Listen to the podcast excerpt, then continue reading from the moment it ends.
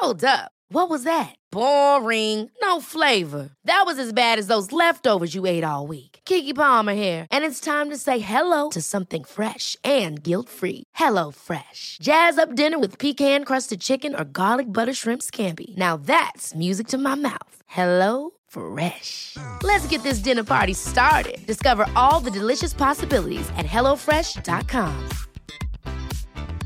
A lot can happen in the next three years. Like a chatbot may be your new best friend. But what won't change? Needing health insurance. United Healthcare Tri Term Medical Plans are available for these changing times. Underwritten by Golden Rule Insurance Company, they offer budget friendly, flexible coverage for people who are in between jobs or missed open enrollment. The plans last nearly three years in some states, with access to a nationwide network of doctors and hospitals. So, for whatever tomorrow brings, United Healthcare Tri Term Medical Plans may be for you. Learn more at uh1.com. Hey, it's Ryan Reynolds, and I'm here with Keith, co star of my upcoming film, If, only in theaters, May 17th. Do you want to tell people the big news?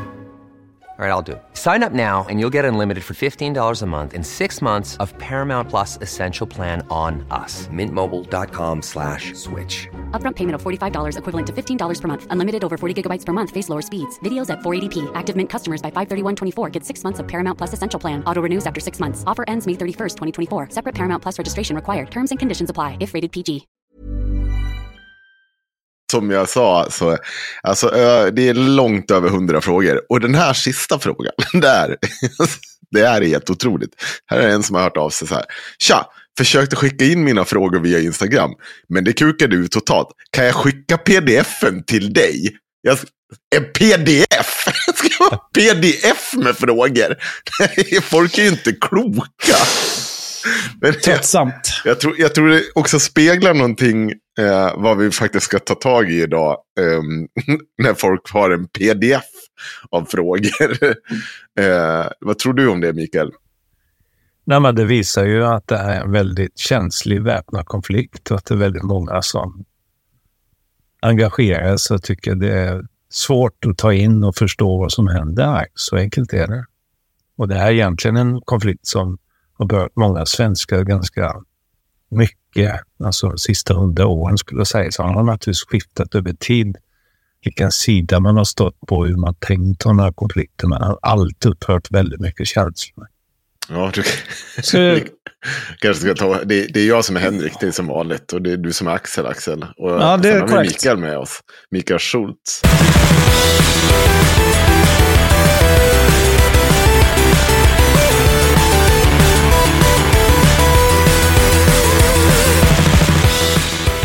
Och du kan ju få chansen att säga vem du är, Mikael. Mm. Jo, jag är en av Mikael Schultz, eh, professor i freds och utvecklingsforskning. Så man kan säga att jag är en klassisk fredsforskare som jobbar då vid Institutionen för globala studier vid Göteborgs universitet.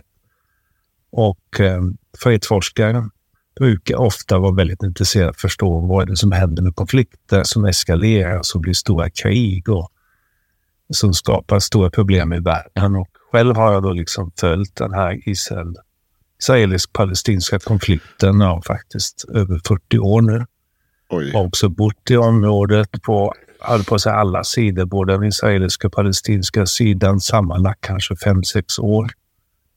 Eh, och jag skrev för väldigt länge sedan en doktorsavhandling om israeliska samhället och integrationen och de pro- problem man har där. Och sen har jag efter min avhandling pysslat mycket med palestinsk statsbildning och demokratifrågan i den begynnande statsbildningen som många hoppades på då på 90-talet. Och sen har jag naturligtvis följt hela den här eländesutvecklingen som vi har sett sedan dess kan man väl säga. Ja, du, vad, vad lite meriter du hade. Själv har jag killgissat i 40 år har tagit mig ja, men det, är, det är lika mycket värt som en, att vara professor. Det vet alla. Ja. ja, men vad kul. Vad kul att du skulle, ville vara med. Och bra catch Axel. För det var väl någonting som vi har tjafsat om i diverse chattar också. Ja, du har Och- haft fel på många sätt och på många ställen i den här frågan. Och Ja, jag har visst. haft den ultimata lösningen hela tiden. Mm. Eh, ja, ehm, det var bra att du svarade, för eh, det var några andra som inte gjorde det. Jag nämner inga namn, men Du ska få ett Ja, men surt vad mejl. kul. Oj, men, eh, men du har alltså bott där också på plats? Jo, det har jag gjort. I början på 80-talet så bodde jag på den israeliska sidan alldeles intill den libanesiska gränsen. Och redan då var det ju hett om öronen när det helt plötsligt någon dag sköts över massa missiler och raketer från libanesiska sidan och man det är för någonting. Och så ökar ju nyfikenheten att förstå vad det är som händer i den här konflikten. Och det slutade ju då när jag bodde där med att eh, jag var tvungen att lämna för att Israel invaderade södra Libanon och var ett storkrig på den tiden. Var Ja. det eh, un, un, vid den här tiden när det här stora katastrof, eller katastrof, vad säger man, det här flyktinglägret som blev, man gick in i? Och, Ja, precis. I Sabra Shatila i Beirut 1982 då hade israelerna ockuperat hela södra Libanon, till och med västra Beirut. Och eh, då hade man gett sig in i det libanesiska inbördeskrigsdramat. Och där fanns ju massa olika grupper som stod mot varandra och då var det bland annat de här kristna högerfalangisterna, alltså högerpolitiker som ville ta hem på palestinierna. Och då gick de in i ett flyktingläger den gången. Och då var flyktinglägret omringat av israelerna som lyste upp under tre dagar och massakern pågick då i tre dagar. Man Så- pratar om 800 kvinnor och män slaktades där. och där ligger skuld, alltså där, så, så som jag förstår det, så här, det Israel gjorde var egentligen bara att stå och titta på. Och lät det ske. Ja, precis. Och det, det är förstås en diskussion, men de hade en egen intern utredning som slutade med att försvarsministern ansågs vara moralisk ansvarig och fick avgå. Mm. Så, så det var ju en, ja, kan det ha varit, en tiondel av befolkningen som var ute på gatan i Israel och protesterade mot hur man hade agerat i den här massakersituationen. Ja, vi, vi kommer ju ikväll inte hinna eh, varken svara på alla frågor eller reda ut alla turer och svängar vi har. Men om vi backar tillbaka bandet eh, någonstans runt början på 1900-talet. Vad är Palestina då för någonting? Ja, alltså början på 1900-talet så är det ju en del av det ottomanska imperiet. Och som, som bekant så var ju ottomanska imperiet ett stort imperium som hade varit i ungefär 400 år och började liksom sakta gå ner i styrka och inflytande i världen. Och dessutom ställde man upp på fel sida i första världskriget och förlorade det kriget. Och då... Det, det är då det dör en massa, alltså man är nere och krigar nästan i Turkiet va? Och det dör en väldigt massa människor där någonstans va? Precis. Ja, det, det fanns ju... Det var ju ett världskrig, så det var Ja. liksom överallt. Men, det fanns några berömda slag, eller vad man ska kalla det. Där många turkar dog, det stämmer. Men då var det ju förstås eh, Storbritannien och Frankrike som fick stort inflytande över Mellanöstern och man mer eller mindre delade upp kartan mellan sig intressesfärer. Mm. Och de här gränsdragningarna blev någonstans början till det som blir de moderna staterna i det tidigare ottomanska imperiet. Och Palestina hamnade inom det man då kallar ett mandat som Storbritannien skulle kontrollera. Och mandatet var då kopplat till Nationernas förbund där på 20-talet. Eh, och så tänkte britterna i gammal kolonialstid att om man söndrar de olika grupperingarna mot varandra så kan man härska bättre. Och det funkade inte så bra i Palestina. Man lyckades förstås ställa grupperna mot varandra. Och där kom ju allt fler judar från Europa som ville kolonisera och bygga en judisk stat. För man hade liksom kommit fram till någon slutsats att man kan inte leva i Europa. Det finns för mycket antisemitism och annat. Så att lösningen är att Så redan då, ner- alltså efter 20-talet, är det man pratar om antisemitismen i Europa. Så att man Ja, alltså man kan väl säga så här att antisemitismen har funnits där i Europa sedan Jesus korsfästes, skulle man kunna säga. Mm. Men, men med den nya framväxten av nationella idéer i Europa och så, så var det ingen tillfällighet eller slump att även judarna bör fundera på att vi är också ett folk, vi behöver också en egen stat. Det hade man inte gjort på 2000 år kan man säga sen. Man fördrevs som romare, kontrollerat Palestina. Det var ju romarna som döpte det till Palestina. Och sen eh, så kom de judiska politiska eh, nationalisterna som fick namnet sionister igång med en rörelse i slutet på 1800-talet började sakta kolonisera Och det tilltog sen då när britterna fick kontrollen. Och det berodde på att britterna i sin tur gav judarna ett löfte om att de kunde betrakta Palestina som ett judiskt nationalhem. Alltså den så kallade Balfourdeklarationen från 1917. Och det Mm. ställde till problem för att araberna och de som bodde i Palestina ville ju ha sin stat. De ville inte ha någon kolonialmakt eller någon annan som kom och byggde en judisk stat. Och på så sätt stod egentligen då både araber och palestinier å ena sidan och, och eh, judar på den andra i kampen om vem som skulle få kontrollera Palestina. Okej. Och då är det nog mer nedslag innan, vad blir det, 1948 du vill göra som du tycker är viktigt att... Liksom... Ja. Man kan väl säga då att det kom att eskalera allt mer. Så det, under 30-talet fanns den arabiska revolten. Innan dess fanns första tecken på att man använde mer och mer våld. Dock ska man komma ihåg att de första protesterna kom alldeles i början på 1900-talet. Där Alltså mot, ju, mot is, Mot alltså det som ska bli Israel. som mobiliserades och, och protesterade mot att det kom allt fler europeiska judar och koloniserade Palestina. Ja.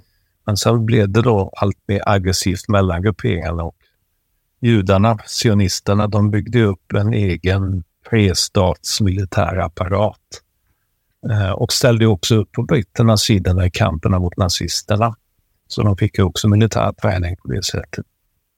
Men det urartade till slut när arabiska revolten slutade 39. Då gick britterna ut och sa nu vi tillåter inte väldigt begränsad invandring. och samtidigt som nazismerna, nazismen i Europa började liksom förfölja judar allt kraftigare och förintelsens första år tilltog. Och från, från den tiden och framåt så kan man säga att vi fick mer och mer en inbördeskrigsliknande situation i, i Palestina, det brittiska mandatet. Hur många judar fanns det då i liksom det som är bi Israel sen då? då? Alltså britterna efter andra världskriget gav ju till slut upp och de kunde inte få styr på det hela som de hade tänkt sig utan man lämnade över hela ärendet till FN 1947 ungefär. Och då fanns det ungefär en, en tredjedel av totalbefolkningen som var judar. Mm. Och de kontrollerade ungefär utav all odlingsbar mark 6 procent av eh, det som kallas för historiska Palestina. Mm. Okej. 1948 så Mm. bestämmer man sig för någonting. Ja, Förklara. där kan man säga att där, där har vi en första sån där brytpunkt i historien där vi får en ny konfliktdynamik mellan parterna.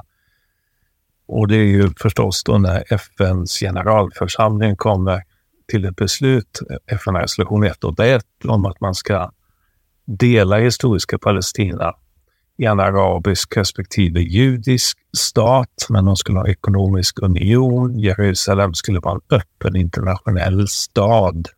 Det var liksom tanken med förslaget och den antogs ju då med två tredjedels majoritet. Men som bekant, generalförsamlingen är, är ju rådgivande och parterna själva måste vara överens med resolutionen för att han ska kunna implementeras och antas. Och då var det ju så att eh, grannstaterna eh, till det som kom att bli Israel sa ju, röstade ju nej. Och lovade också att om ni utropar en judisk stat så kommer ni få ett krig. Och då fanns det redan som sagt ett regelrätt inbördeskrigsliknande tillstånd i Palestina vid tidpunkten. Och ehm, då kom is, i- det som blev Israel då, att de utropade staten den 14-15 maj eh, 1948. Och dagen därpå så anföll de arabiska grannstaterna Israel och så fick vi det första arab israeliska kriget, alltså mellanstatliga kriget som kommer att förvandlas till flera ronder framöver. Då. Är, det Palesti är Palestina med och anfaller då? Eller Ja, hur? alltså den Finns- palestinska befolkningen, delar av den var ju som sagt redan i en inbördeskrigssituation med de judiska sionisterna i sitt eget land. Sen kom de arabiska arméerna till. Och eh, det är alltid så när man har väpnade konflikter. Alla har sin egen historia och hävdar olika saker. Så i den israeliska konfliktnarrativen så får man ofta höra att det var massor med arabstater som anföll den lilla judiska staten. Och arabstaterna alltså sa att det här var vår enda chans att bli av en del av kolonialinflytandet från västmakterna. Eh, I praktiken så vet vi att eh, det var ungefär lika många soldater på respektive sida. Och då var det inte så att eh, de judiska sionisterna, de som blev israeler då, fick vapen från väst den gången, utan det var framförallt från Sovjetunionen via Tjeckoslovakien, alltså öststaterna. Mm -hmm. Och det berodde på att Stalin ansåg att um, de socialistiska kibbutzöarna i Israel, de var röda vänster. Okay. Och då skulle man stödja dem i det här islamska havet som fanns runt om. Alltså världsmakt, alltså det är, det är så jävla... Åh, oh, gud, man blir så arg. Alltså, de var ju också goda jävla antisemiter i Sovjetunionen. Och eh, under, under, det är så... så är det. det är en fiendes fiende. Det går så jävla fort. Det är också jättepraktiskt då, ja. om, man, om man inte gillar judar, då är det jättepraktiskt att det finns en annanstans dit de kan flytta. Ja, men Då måste man ju se till att det finns kvar. en diskussion under för, förintelseåren bland nazisterna. Var ska man placera dem? Madagaskar var ju ett förslag mm. som nazisterna kom upp. Mm. Kul ställe att bo på. Men sionisterna var inne på att eh, det finns bara ett hemland och det är Palestina. Då. Mm. Ja, det... det ska man kanske komma ihåg också att före de politiska sionisterna kom till det här landet så har det alltid funnits en spilla av judar eh, sedan 2000 år tillbaka, fast de är ju en minoritet i den palestinska befolkningen om man ska tycka det så. Mm. Mm. Okej, okay, så det sker 1948. Vill du inte lägga till någonting där kring? För ja, sagt, det måste man nog säga. Det är den ena sidan som jag berättat om. Ja. Men har vi den andra. okay. Så om israelerna då hade fått sin stat och de beskriver det som sitt befrielsekrig 1940, ja. start av 48 och slutet Ja, det är väl det de 49. kallar det. Ja. ja. Eh, medan då Palestina upplever detta som en absolut katastrof för att de fördrivs från sina hem. Eh, och det är också den narrativen man eh, framförde egentligen sedan 48, att det var israelerna som drev dem bort från sina hem med militär makt, med hot och terror Men och gjorde man det då? Alltså det borde ju ändå så kunna objektivt kunna titta på. Blir man fördriven? Ja, alltså, jag har ju varit med så länge som över 40 år, följt det mm. noggrant. Och när jag var ung och startade med det här så var det en oklar fråga om forskningen. Men sedan dess så är många arkiv i Israel öppnat, så nu vet man att det var också militär, eh, alltså delvis terror, men också att man fördrev dem ut från, från sina byar. Och när ryktet gick i Palestina, som det ofta är då, oh, det är krig, de kommer här med militär och jagar bort oss, då flyttar ju folk på sig. Det mm. i alla krigszoner ganska naturligt. Sen var det förhållandevis få som dödades under den här massfördrivningen, cirka 800 palestinier, säger historikerna då, israeliska historikerna. Det är, sjukt, det är sjukt att det har dött fler barn på de här tre veckorna än vad man gör när man gör... Ja. Um. Här, alltid när vi pratar eh, om att folk, det dör mycket folk, i den här podden, då brukar jag eh, påminna om att varje dag så dör det 800 barn under fem år för att de inte har tillgång till rent dricksvatten. Så är det.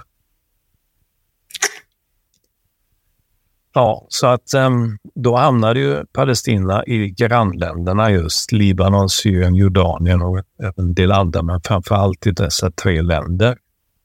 Och eh, genast från början när kriget sen var klart så var det ingen av staterna som ville ta ansvar för det här. Israelerna sa att ja, men de, de flyttade på sig frivilligt, det sa man i alla år, eh, under krigets dagar, därför att de var uppmanade från arabiska ledarna att flytta på sig för att då är det enklare att kasta judarna i havet.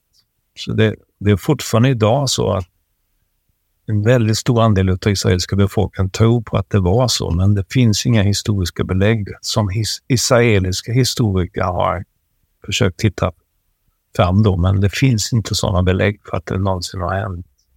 Men i alla fall, där har vi alltså två olika narrativ. Den ena som känner sig som offer som har blivit fördrivet och den andra som känner att de vann kriget. Och det territorium man kommer att ha då under det här första kriget det kom man då att annektera med det som blev staten Israel 1949 års gränser. Och det är den staten som blev intagen sen till FN just 1949. Mm. För här kommer det, vi- en av de första frågorna här som vi får in är ju vad har hänt med de gränsdragningar som FN drog upp i Israel 1948? Säger man då, men jag antar att det är 49 de menar. Alltså kriget, eller staten utropades 48, Mm. kriget slutades med, med eldupphör och det är fortfarande så att Libanon och Syrien har formellt sett ett krigstillstånd med Israel Sen dess. sedan dess. Eh, och sen dess så, som sagt, det var flera ronder av mellanstatliga krig då där. Första kriget förlorade arabstaterna. Sen kom en mobiliserad krig 1956 när israelerna gick in i Sinai-halvön för att, som man sa då, bli av med terroristerna som försökte ta sig in via Sinai, vilket ju är dagsaktuellt idag. Och det är ju norra Egypten, kan man väl säga, va? Eller? Exakt. Då var ju Gaza en del av Egypten under den tiden. Mm. Eh, och eh, det kom sen också ett andra, eller snarare tredje rond 1967, det så kallade junikriget eller sexdagarskriget beroende på vem man frågat de här parterna. Där då Israel vann kriget, tog Västbanken, Gaza, Sinaihalvön och Golanhöjderna från Syrien. Och eh, då fick vi också en totalt förändrad konfliktdynamik skulle man kunna säga. här, För att här kom då för första gången Palestina under direkt israelisk ockupation. Och det kom förstås att skapa en ny relation mellan en ockupant och, och de som ockuperade. Eh, dock hade man med ytterligare ett mellanstatligt krig och det var ju det här 1973 års krig, oktoberkriget eller Yom Kippur-kriget som det också heter. Mm. Och det var ju totalt överraskningsanfall för israelerna. Ja, det är det man har jämfört det här senaste som hände den 7 Exakt. oktober med Jom Kippur. Där underrättelsetjänsten faktiskt hade fått information och ändå tog man inte det på allvar den Ja. gången, 73. Men äm, även det kriget lyckades ju israelerna att vända till sin fördel. Även om vi var väldigt nära faktiskt ett tredje världskrig den gången. Det finns ju forskare som har pekat på att det var till och med värre läge än vad det var 1962 under Kubakrisen.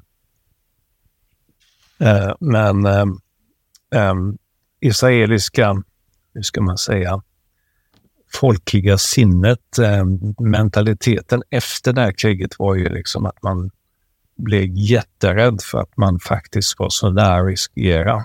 Eh, för att man var så slarvig med underrättelsetjänsten och inte tog hoten på allvar. Med mer. Att man faktiskt var nära en undergång. Och det skapade ett nytänk eh, i israelisk politik, nämligen att vi kan inte förlita oss på att vi alltid är bättre än militärt och vinner varenda krig. Så därför måste vi också börja pröva det diplomatiska spåret. Och det finns en bakgrundshistoria dessutom att den egyptiske presidenten Sadat 1970 så sträckte han ut en hand ehm, faktiskt via amerikanerna om att jag är redo att byta sida från öststaten och Sovjetunionen till väst. Då trodde inte amerikanerna och israelerna på honom och då dog ju hans slutsats. Ja, Okej, då. vill de inte ha fred då får vi starta ett krig. Och det blev då oktoberkriget. Ja. Men, Det- men efter det kriget så öppnade ju upp möjligheterna för Sadat igen. Eh, och vi fick det här Camp David-avtalet mellan Israel och Egypten 1979. Så där kan man säga att det var första gången som någonting öppnades upp mot hur skulle grannstaterna kunna följa efter. Men det var också så för Sadat att han visste att han kan inte överleva politiskt om han inte ser till att två saker uppfylls. Det ena är att han får tillbaka varenda tum utav egyptiskt territorium. Och den andra är då han måste tillgodose palestiniernas situation. Och då var överenskommelsen Camp David att man skulle sätta sig ner i Israel och Egypten och diskutera autonomi, som man kallar det då, för Västbanken och Gaza när Palestina var under ockupation av Israel. Så det var liksom första Jag försöker visualisera hur mycket man hade tagit vid det här laget. Men om man säger så att den del, Palestina hade krympt en hel del. Man brukar ju se de här olika Ja. kartorna där man ser Ja. det krymper och blir mindre och mindre. Ja. Och redan här hade de väl blivit en... Man kan väl säga att det historiska Palestina när kriget var klart 49, då återstod 22 procent. Eh, Mm. 78 procent hamnade inom Israel då. Mm. Och när vi pratar om 22 procent, då är det Västbanken och Gaza inklusive östra Jerusalem. Och det är det som är tvåstatslösningsförslaget som kom fram sen, mm. några år senare. Okej. Okay. Ja, nej men du får fortsätta för jag vågar inte ens säga så här. men, nej, men, eh, ja, men det är en komplicerad och svår historia för att det är en av världens mest globaliserade, om inte den mest globaliserade konflikten med massor av internationella aktörer involverade. Det är därför mm. det blir svårt att relatera förstås till konfliktdynamik i de andra grannstaterna. Eh, och i de här flyktinglägren som då hade etablerats. Eh, jag nämnde ju då att ingen ville ta ansvar för flyktingarna. Det är en anledning till att FNs första och största och fortfarande frågas på dess bord blev de palestinska flyktingarna. Man etablerade UNRWA, FN-organet som tog hand om Palestinas situation. Men när då palestinska flyktingar såg att arabstaterna förlorade det ena kriget efter det andra så började de ju misströsta och kom också att organisera sig själva, olika politiska organisationer. Och då bestämde sig Egypten för att föreslå att man har en organisation var in under alla de här partierna och rörelserna skulle hamna. Och det blir då PLO, den palestinska befrielseorganisationen. Och den kom att militariseras när man såg att arabstaterna inte lyckades med målet att befria Palestina. Så att på 70-talet så började ju PLO markera sin närvaro och man kommer att försöka infiltrera Israel och utföra dåd både mot militära och civila. Och sen hände det ju allt ofta att man kapade flygplan och sen har säkert alla sett Hollywoodfilmen München under olympiaden 1972. För att på något sätt sätta hade man tänkt sig den palestinska frågan på den internationella agendan. Och det resulterar då ungefär det vi ser nu, att eh, Israel så att om de använder terror mot oss, då ska vi svara tillbaka hundrafalt. Dör en Israel så ska hundra palestinier dö. Och så fick man fram en, en diskursförändring, en slags politisk högervind redan under 70-talet. Och 77 fick man för första gången då en höger eller borgerlig regering i Israel. De hade bestämt sig att man med militära medel skulle slå ut PLO. Och det blev anledningen till att man så småningom kom att invadera Libanon. Första försöket var 78 och sen kom andra våren 82 och då kom man ju ockupera hela södra Libanon och lyckades kasta ut PLO från Libanon som någonstans har blivit en stat i staten. Och då upplevde ju israelerna att vi har vunnit militärt. Saken är klar, det är biff och allt möjligt. Och dessutom hade PLO inbördeskrig i Libanon innan Arafat, som då var ledare, mm. kastades ut. Men han hade lite tur för att i de ockuperade områdena, som alltså mer eller mindre hade integrerats med israelisk ekonomi, men på ett asymmetriskt sätt, där palestinierna fick allt svårare ekonomiskt och så vidare, började motståndet växa. Så att fram mot slutet på 80-talet så fick vi det första folkliga palestinska upproret i Västbanken och Gaza. Och det man brukar kalla för första intifadan som ju någonstans betyder att man skulle kasta av sig ockupationen.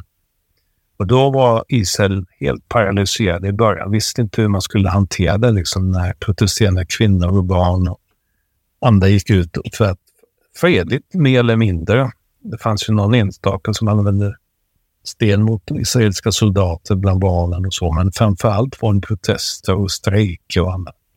Det lamslog nästan Israel i början.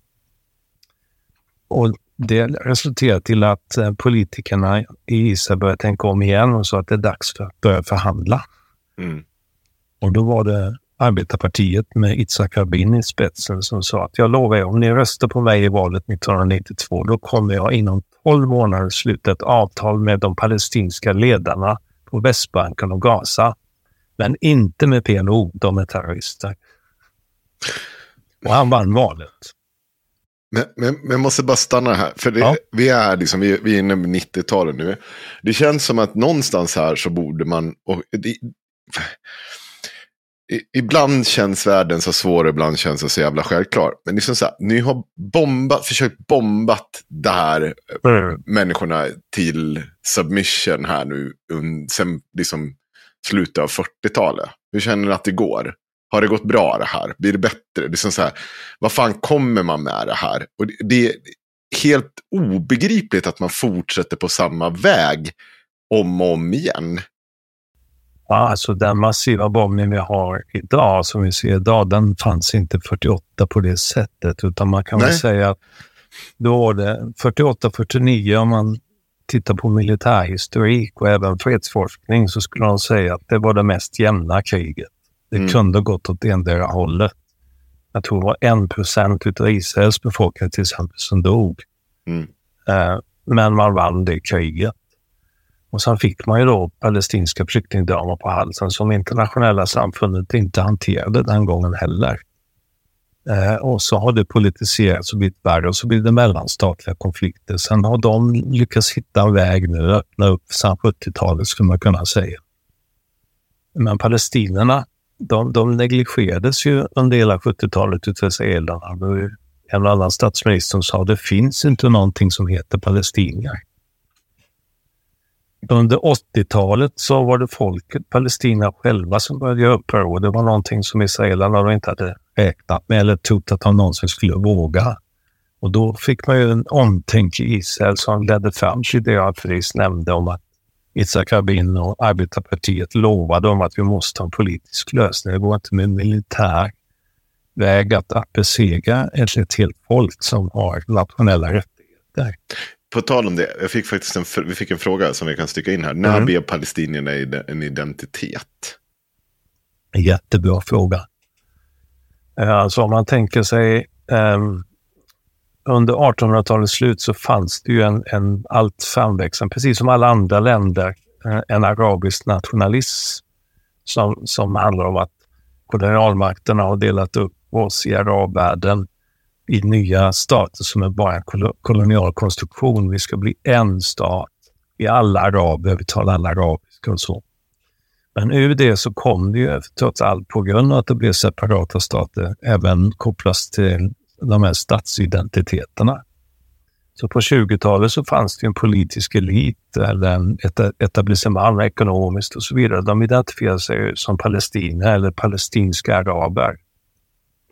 Det var också så PLO-stadgan skrev in Var en palestinier. Eh, 1968 kom den stadgan.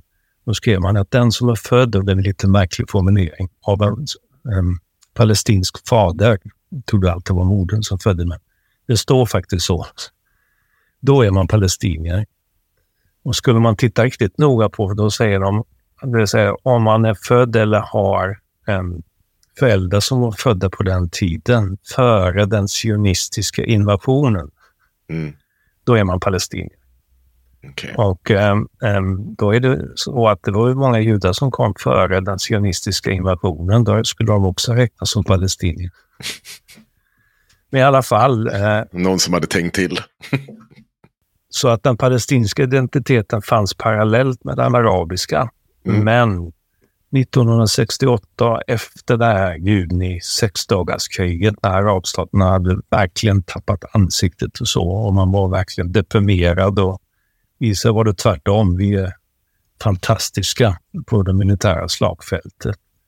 Då em, bestämde sig Israel lite för kaxigt att gå in i Jordanien och försöka slå ut en PLO-bas som fanns där. Det lyckades man inte med.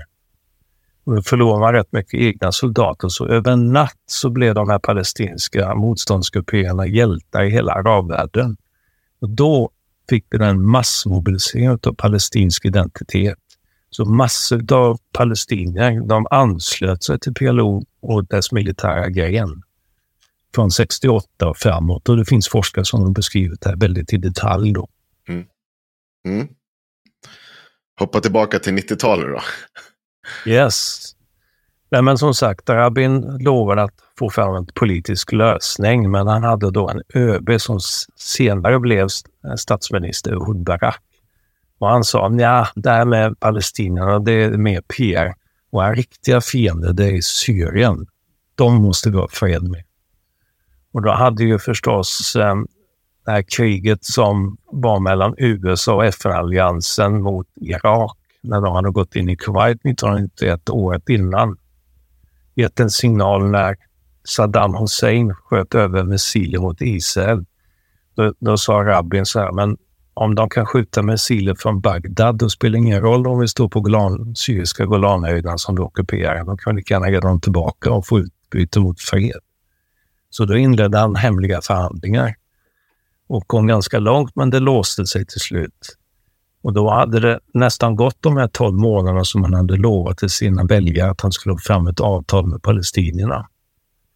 Och då hade han en, som tur var, en utrikesminister som i all hemlighet, Shimon Peres, hade öppnat ett spår i Oslo där då PLO och några israeler i hemlighet hade börjat träffas. Det är Osloavtalet. Och det är Oslo-spåret då som blir Oslo-processen. Och när man först berättade för Rabin då blev han fullständigt galet arg.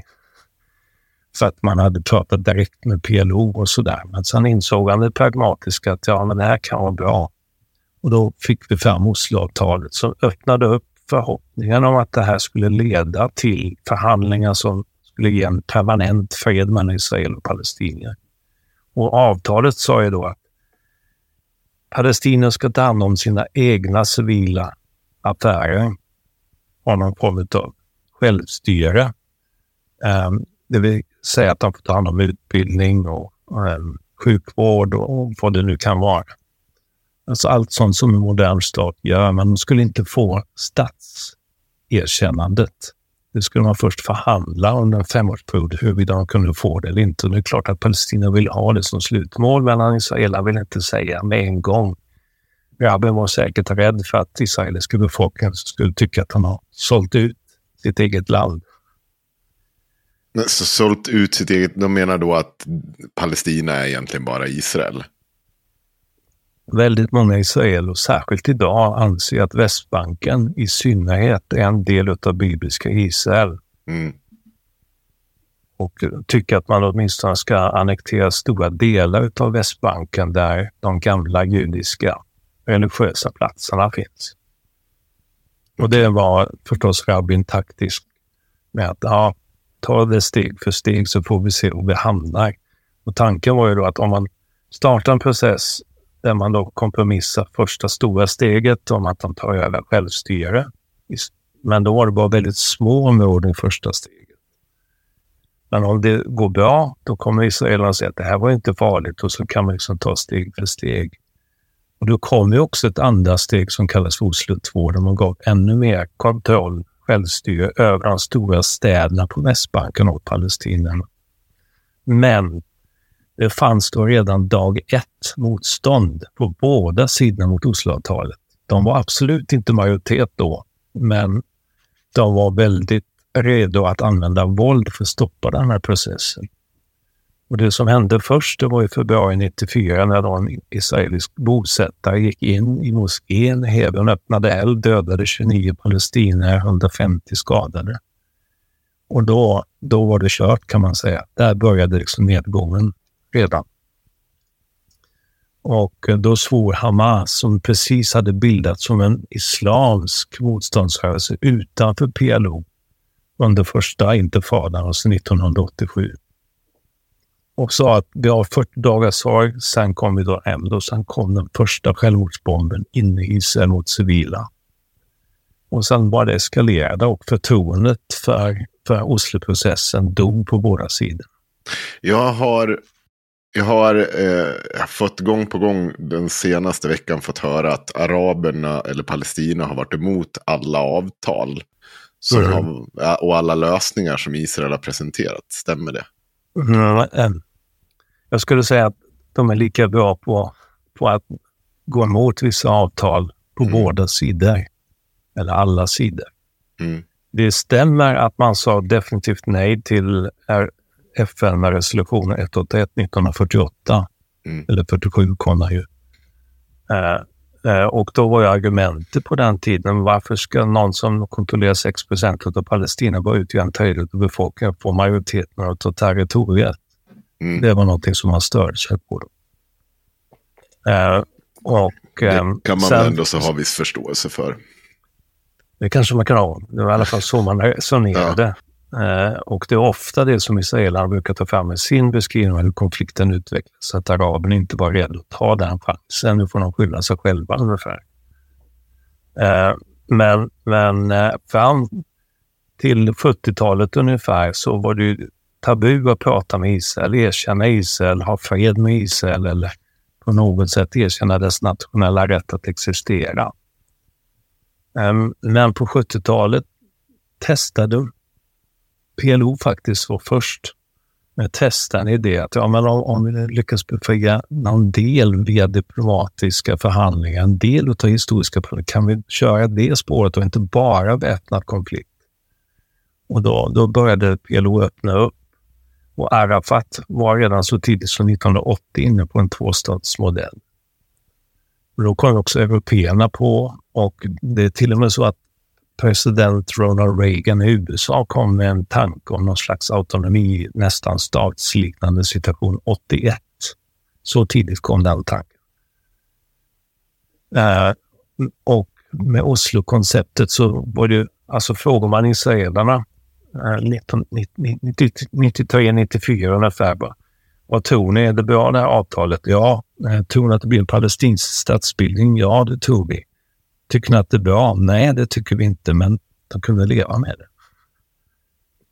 Det har förändrats dramatiskt sedan dess. Och det är klart, att våldet som tilltog eh, när Hamas också använde självmordsbombningar som taktik, det skapade panik i Israel. Och Hamas i sin tur då kunde aldrig förstå det, att israelerna kunde bli rädda. De är ju jättestarka, de har ju atomvapen och allting. Det är nålstick mot den här gigantiska makten då i den symmetriska konflikten. Men vad trodde de skulle hända när de började med självmordsbomber och så? Ja, de vill ju visa att um, ni kan inte komma undan ostraffat.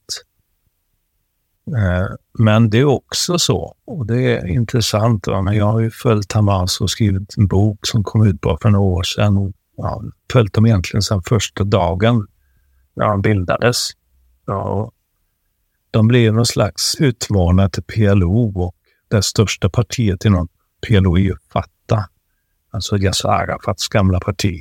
Eh, så de hade ju nästan inbördeskrig under det här första folkupproret. Och de trodde väldigt mycket på att man måste använda väpnat våld. Och det har de ju också i sin stadga. Palestina ska befrias med militära medel.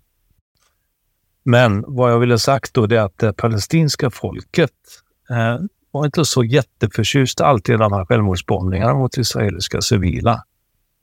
Eh, och så kom man också så småningom i slutet på 90-talet framförallt och även under första, förlåt mig, andra intifadan som startade år 2000. Då kom vi använda mycket självmordsbombningar, men strax därefter så slutade man. Det var mycket för att palestinska folket var emot detta. Israelerna säger tvärtom. Det var för att vi byggde upp en skyddsmur runt Gaza och framför allt runt Västbanken som gjorde att självmordsbombarna inte kunde ta sig in till Israel. Det är ju inte, det är ju inte sant. Det, det kan man um, uppenbarligen. Ja, jag kan ju berätta att vi hade ju en um, mastersutbildning i Jerusalem som Göteborgs universitet uh, körde där och jag var studierektor för hela programmet. Och det hölls i Jerusalem på katolska kyrkans makt, enda neutrala området i hela landet. Eh, och då var det så att när andra intifadan startade och man satte upp checkpoints, gjorde det omöjligt för Palestina att ta sig in till Israel. Våra studenter från palestinska områden tog sig till skolan ändå. Då kan man ju fråga sig hur gick det till? De hade inte tillstånd och måste ta sig runt checkpoints och ja. sådär. Så att visst fanns det hål. Men eh, på 2000-talet då, de första från 2000 fram till 2005 när andra intifadan var, den var väldigt våldsam. Det var inte ett, ett civilt motstånd där icke-våldskamp i stort sett dominerade. Här var det tvärtom då. Och då blev det väldigt blodigt förstås. Och eh, när det väl slutade 2005, då var ju Palestina än mer förtryckta och så att säga avskilda från varandra. Gaza och Västbanken var separerade från varandra. På Västbanken fanns massor med över 400, 500 är det nog idag, olika eh, säkerhetskontrollstationer som Palestina måste passera och man behöver tillstånd för att ta sig från vissa områden till ett annat. Så att många palestinier upplever att Osloprocessen gav dem än mindre självstyre än, än vad det hade varit innan. Och, ja, eh, och här tror jag, att, jag tror att det, på, för det är fler folk som har frågat om just det här, vad är egentligen Gaza, vad är Västbanken, förklara mm. skillnad, vad är det för, liksom, vad, vad pratar vi om här? Eh, precis som vi pratade om för ett stund sedan så är ju Västbanken och Gaza resten av det historiska Palestina, de här 22 procenten som återstår. Eh, sen, sen, I och med att de ligger geografiskt från varandra, man måste åka genom Israel, det är förvisso bara knappt en timmes bilkörning, men de är separerade förstås. Um, um, då brukar man prata mer och mer om alltså att det är helt olika länder, men så är det ju inte. Det är, de, alla palestinier tycker väldigt lika om väldigt många stora frågor som handlar om den här konflikten. Nämligen att det ska bli ett Palestina, de ska befria Palestina. Eh, tvistefrågornas grundfrågor, vem ska kontrollera Jerusalem? Vad ska hända med de israeliska bosättningarna? Är Alla eniga om att de ska bort bland palestinierna. Och vad ska hända med palestinska flyktingarna som sitter i grannländerna? Ja, de har rätt att återvända. De, I princip 98 procent av palestinierna. Så där finns ingen skillnad. Sen finns det vissa, alltså man brukar säga att Gazaremsan är något mer kulturellt konservativ om man jämför med stora delar av Västbanken där de mer sekulära, mer moderniserade palestinierna bor. Man ska försöka hitta skillnader då. Mm. Men mm. det är klart att um, efter då, man höll ju de andra nationella valen för den här palestinska myndigheten 2006. Det var ett val som hölls i både Västbanken och Gaza och inklusive östra Jerusalem, märk väl, tillät israelerna fast de anser att det är en del av Israel. Då var det en överraskningsvinst där Hamas då utmanade PLO det var ju PLO som hade skrivit på Osloavtalet med israelerna. Mm. Helt plötsligt var Hamas då vann egen majoritet i parlamentet.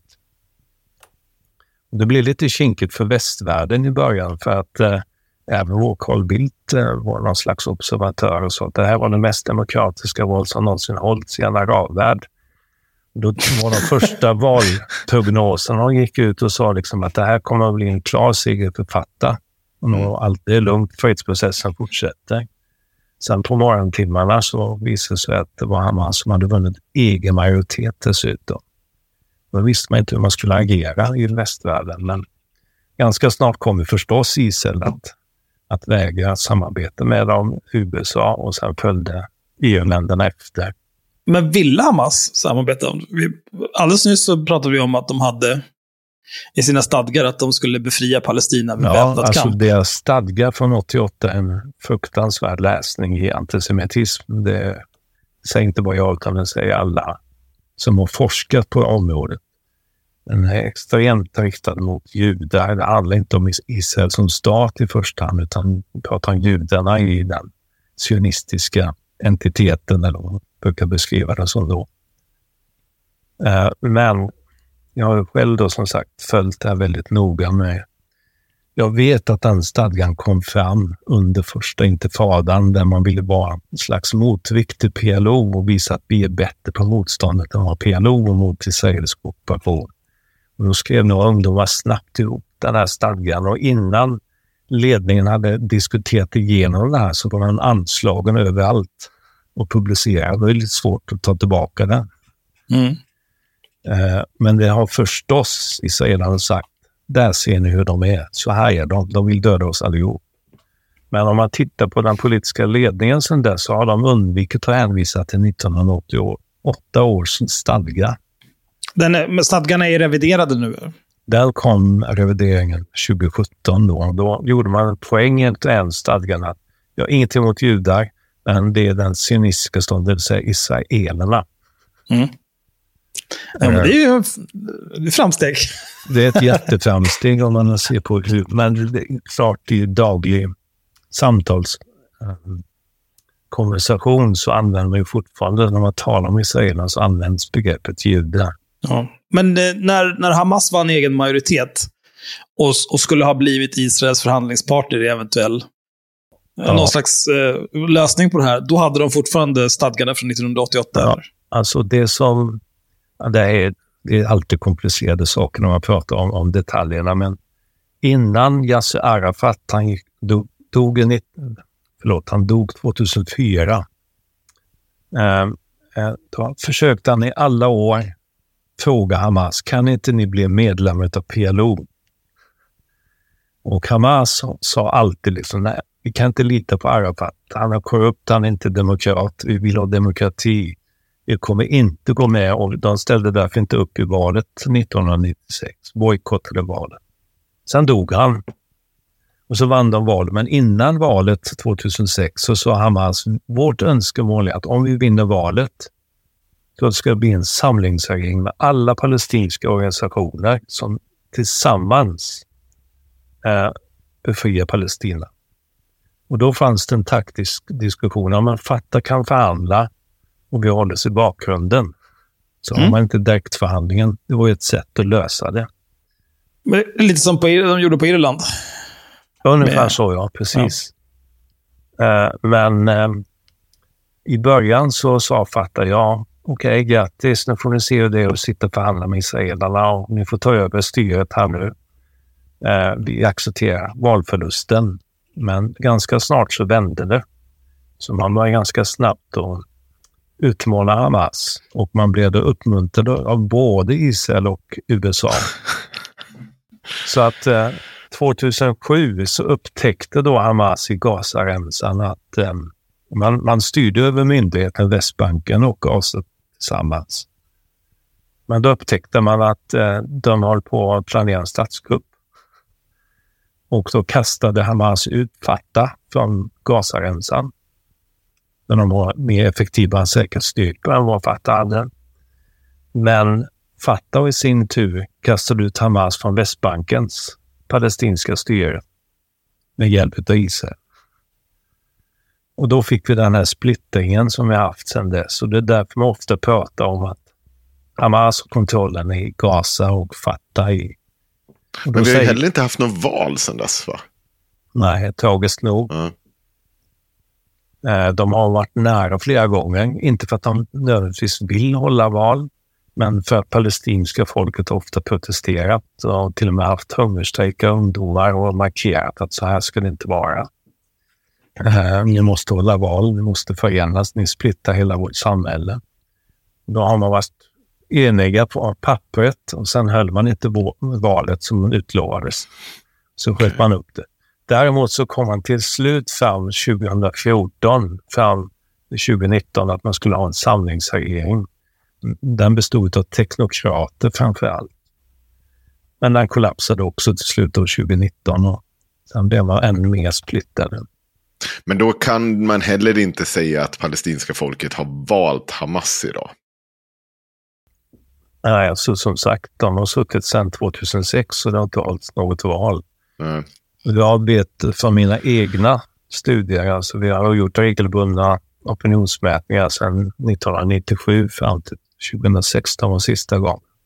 Där vi också kunde kolla då när, när de var splittrade hur folken bedömde de respektive myndigheterna, förtroendet för dem och så. Och då ser man att båda, både Fatah-myndigheten på Västbanken och Hamas i Gaza förlorar förtroende hos Palestina i allmänhet och har väldigt lågt förtroende idag. Om svenska regeringen hade så lågt förtroende tror jag det skulle vara upplopp på gatorna i Sverige. Så illa. Men, men du, en fråga Mm. då. Var, var, varför kommer det inte fram ett, ett, ett, fler alternativ? Det är en jättebra fråga. Det har diskuterats bland olika statsvetare i många år. Redan 96 kunde man se att det fanns... Alltså, Fatah dominerade då. Mm. Eh, hade kanske runt 30-40 procent och så låg Hamas på 20. Men så fanns det runt 30-40 procent som inte ville rösta. Och då undrar man, vad är det de skulle vilja ha istället? Och det fanns ingen som de tyckte dög. Nej. Alla andra partier som finns, de har under 1-2 procent, så räknas inte ens. Det är Fatah eller Hamas.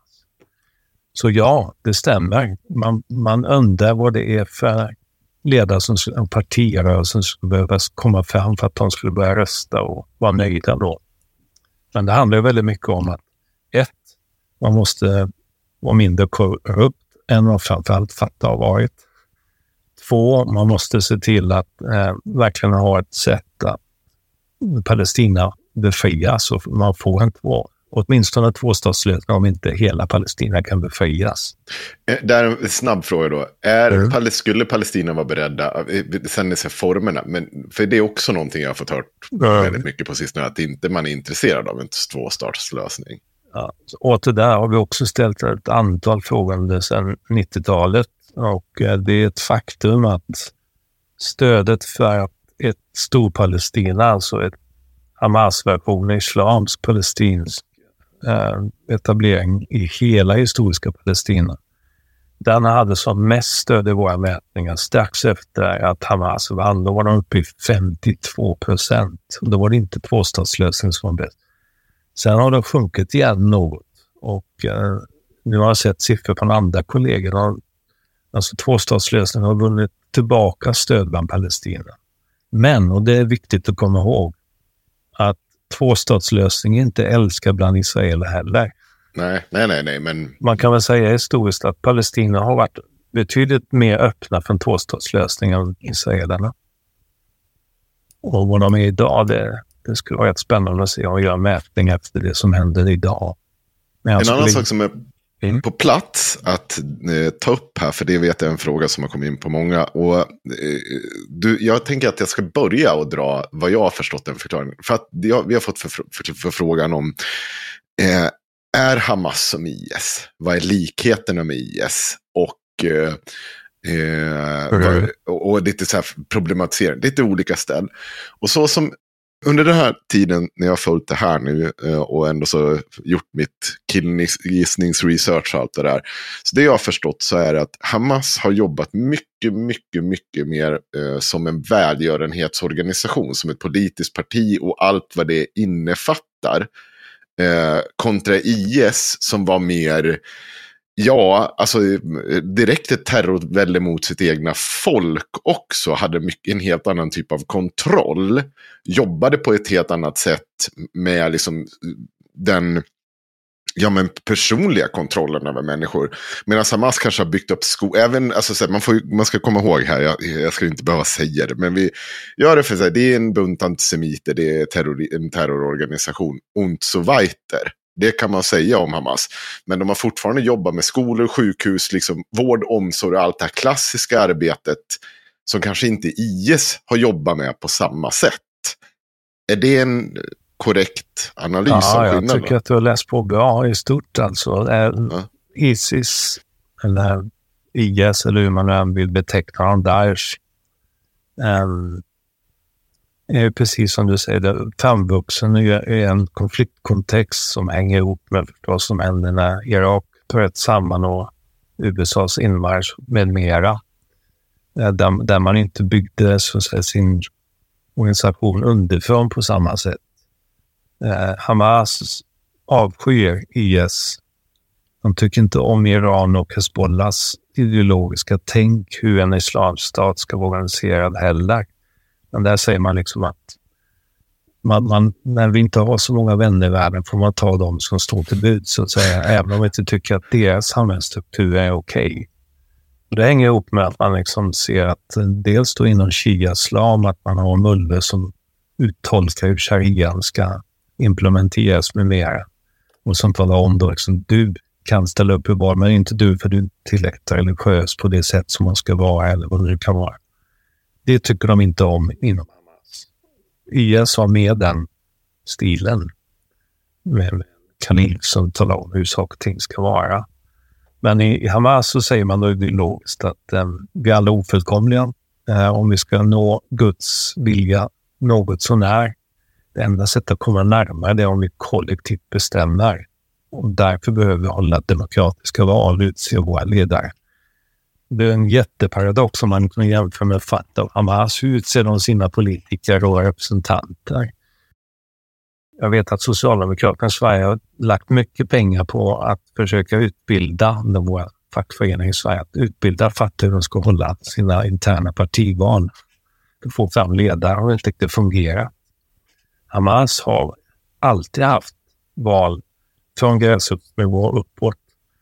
Och då är det så att du får inte ens göra som man gör i USA jag ska ställa upp i presidentvalet eller så, utan andra måste nominera. Det, det är fult att ställa upp som kandidat själv. Det är så sossigt.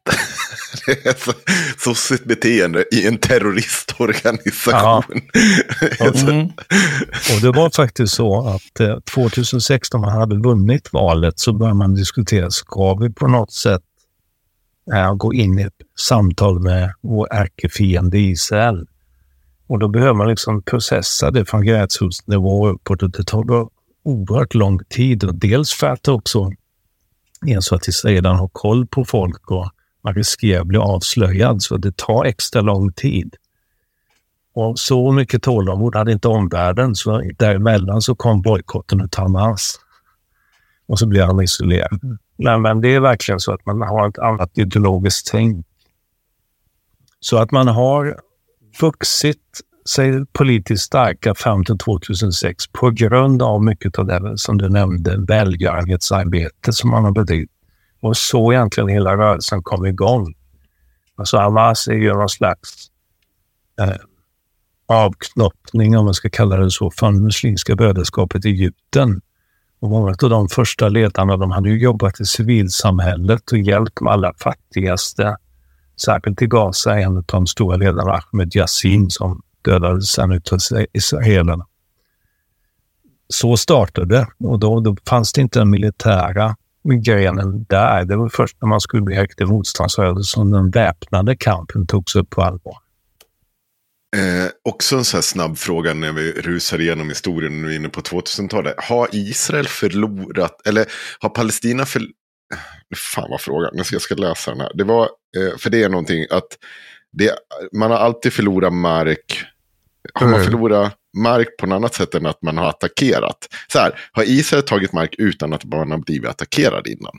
Eh, om Israel har tagit, tagit mark, mark, utan, utan att det har varit ett krig eller en väpnad konflikt på ja. något sätt. Ja, det kan man väl lugnt säga. Alltså, um, de här 22 procenten som är kvar av historiska Palestina i Västbanken och Gaza. Mm. Där kom man ju sen 67 att, att bygga bosättningar, de israeliska illegala bosättningar enligt all internationella rätt och så. Israel har ju vänt den narrativen till att kalla det att det är omtvistade områden, ja. inte ockuperade områden. Men, men internationell lag och till och med Europeiska unionen säger att det är ockuperat område. Så då ska, då ska det, det, är fel att säga att det bara handlar om att man har blivit utsatt för ett anfallskrig och sen har man tagit mark på det. Ja, absolut när det gäller Västbanken och Gaza. Mm. Och Golanhöjderna från Syrien har man ju de facto annekterat med Israel sedan 1981 eftersom det, där gäller civil israelisk lag och inte ockupationslag, det vill säga den syriska lagen som det borde ha varit. Mm. Sinai har man då släppt frivilligt så att säga med avtalet med Egypten. Men Palestina som sagt, det blir mindre och mindre. Det är alldeles riktigt. Därför pratar man ju allt oftare nu om att går det att ha en tvåstatslösning, finns det någonting kvar att förhandla om? Är det inte bättre att vi skapar en stat där alla har samma medborgerliga rättigheter? Det är en lösning som diskuteras allt oftare, i alla fall i intellektuella kretsar och så. Mm, ja. Men det blir lite svårt om det ska vara en judisk stat. Eh, precis.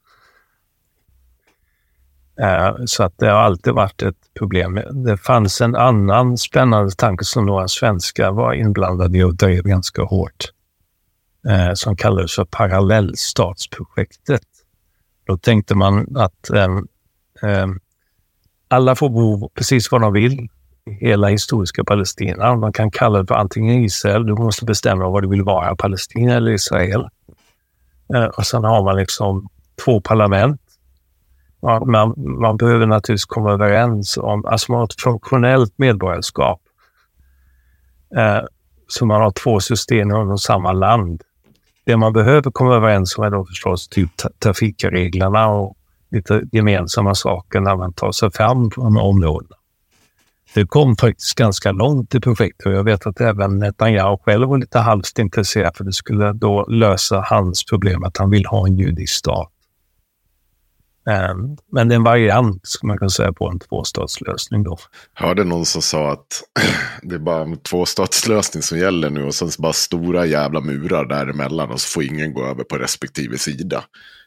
2200 andra, alltså Al-Aqsa-intifadan som man kallar mm. andra palestinska upproret, så hände några viktiga saker som får betydelse, hoppas jag i alla fall, för framtiden. Och det var att eh, först George W. Bush, som ju enligt många anses vara en krigsförbrytare för vad han gjorde i Irak, eh, kom med förslaget om att eh, man måste etablera en palestinsk statsbildning. Han använde verkligen ordet stat för första mm. gången. Det hade ingen amerikansk president gjort. Det i sin tur resulterade i att man i FNs säkerhetsråd 2002 antog en resolution 1397 om att den här konflikten ska lösas i två stater. Sen sa man att man lämnar detaljerna i Jerusalem, palestinska flyktingar och så vidare till parterna att komma överens om själva. Så vi har faktiskt en säkerhetsresolution i dagsläget, inte den som 47 om, om tvåstatsplan. Här är det en säkerhetsresolution som säger att det ska sluta. Så är det därför som framförallt många västledare hänvisar till den resolutionen, att det ska bli två stater i det långa loppet. Och det är där som då Israel också gick med på det här och säger att ja, men det är omtvistade områden, hur mycket vi skulle lämna till palestinierna. Och Palestina säger precis tvärtom. Jag är där jätte 78 procent. 22 procent är vår röda linje. På mindre än det, då, då är jag inte med.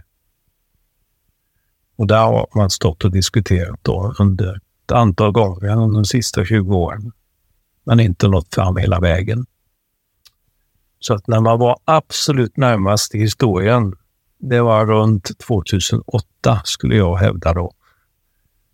Och det är när um, den israeliska premiärministern Ehud från Likud, eller äh, Kadima, han kom från Likud ursprungligen, eh, satt och förhandlade med Fatah-ledaren, president um, Mahmoud Abbas. Och där han gav ett erbjudande av att bilda en stad, palestinsk statsbildning i Västbanken och Gaza. Ungefär 94 procent av detta territorium. Så sa man att de här mindre bosättningarna som är mitt i Västbanken, det finns inga kvar längre för övrigt i Gaza, de tog man bort 2005. De tar vi bort, men vi annekterar några områden på Västbanken eh, där vi har typ 90-95 procent israelisk befolkning. Men det vi tar från er, det ger vi tillbaka från israeliskt territorium från 1949 års gräns som ligger runt Västbanken och lite runt Gazaremsan i kompensation så att det motsvarar de här 22 procenten. Och ni kan ha er huvudstad i östra delen av Jerusalem. Alltså en huvudstad för två folk. There's never been a faster or easier way to start your weight loss journey than with plush care.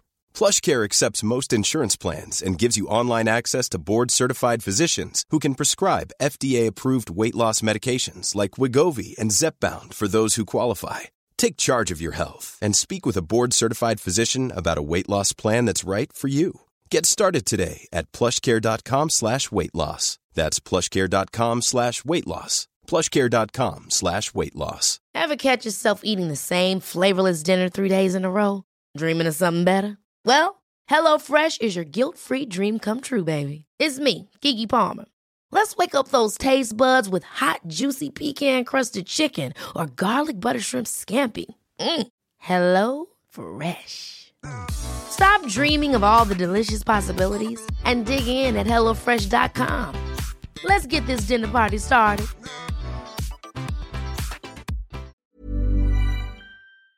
Det som återstod den gången, det var de palestinska flyktingarna.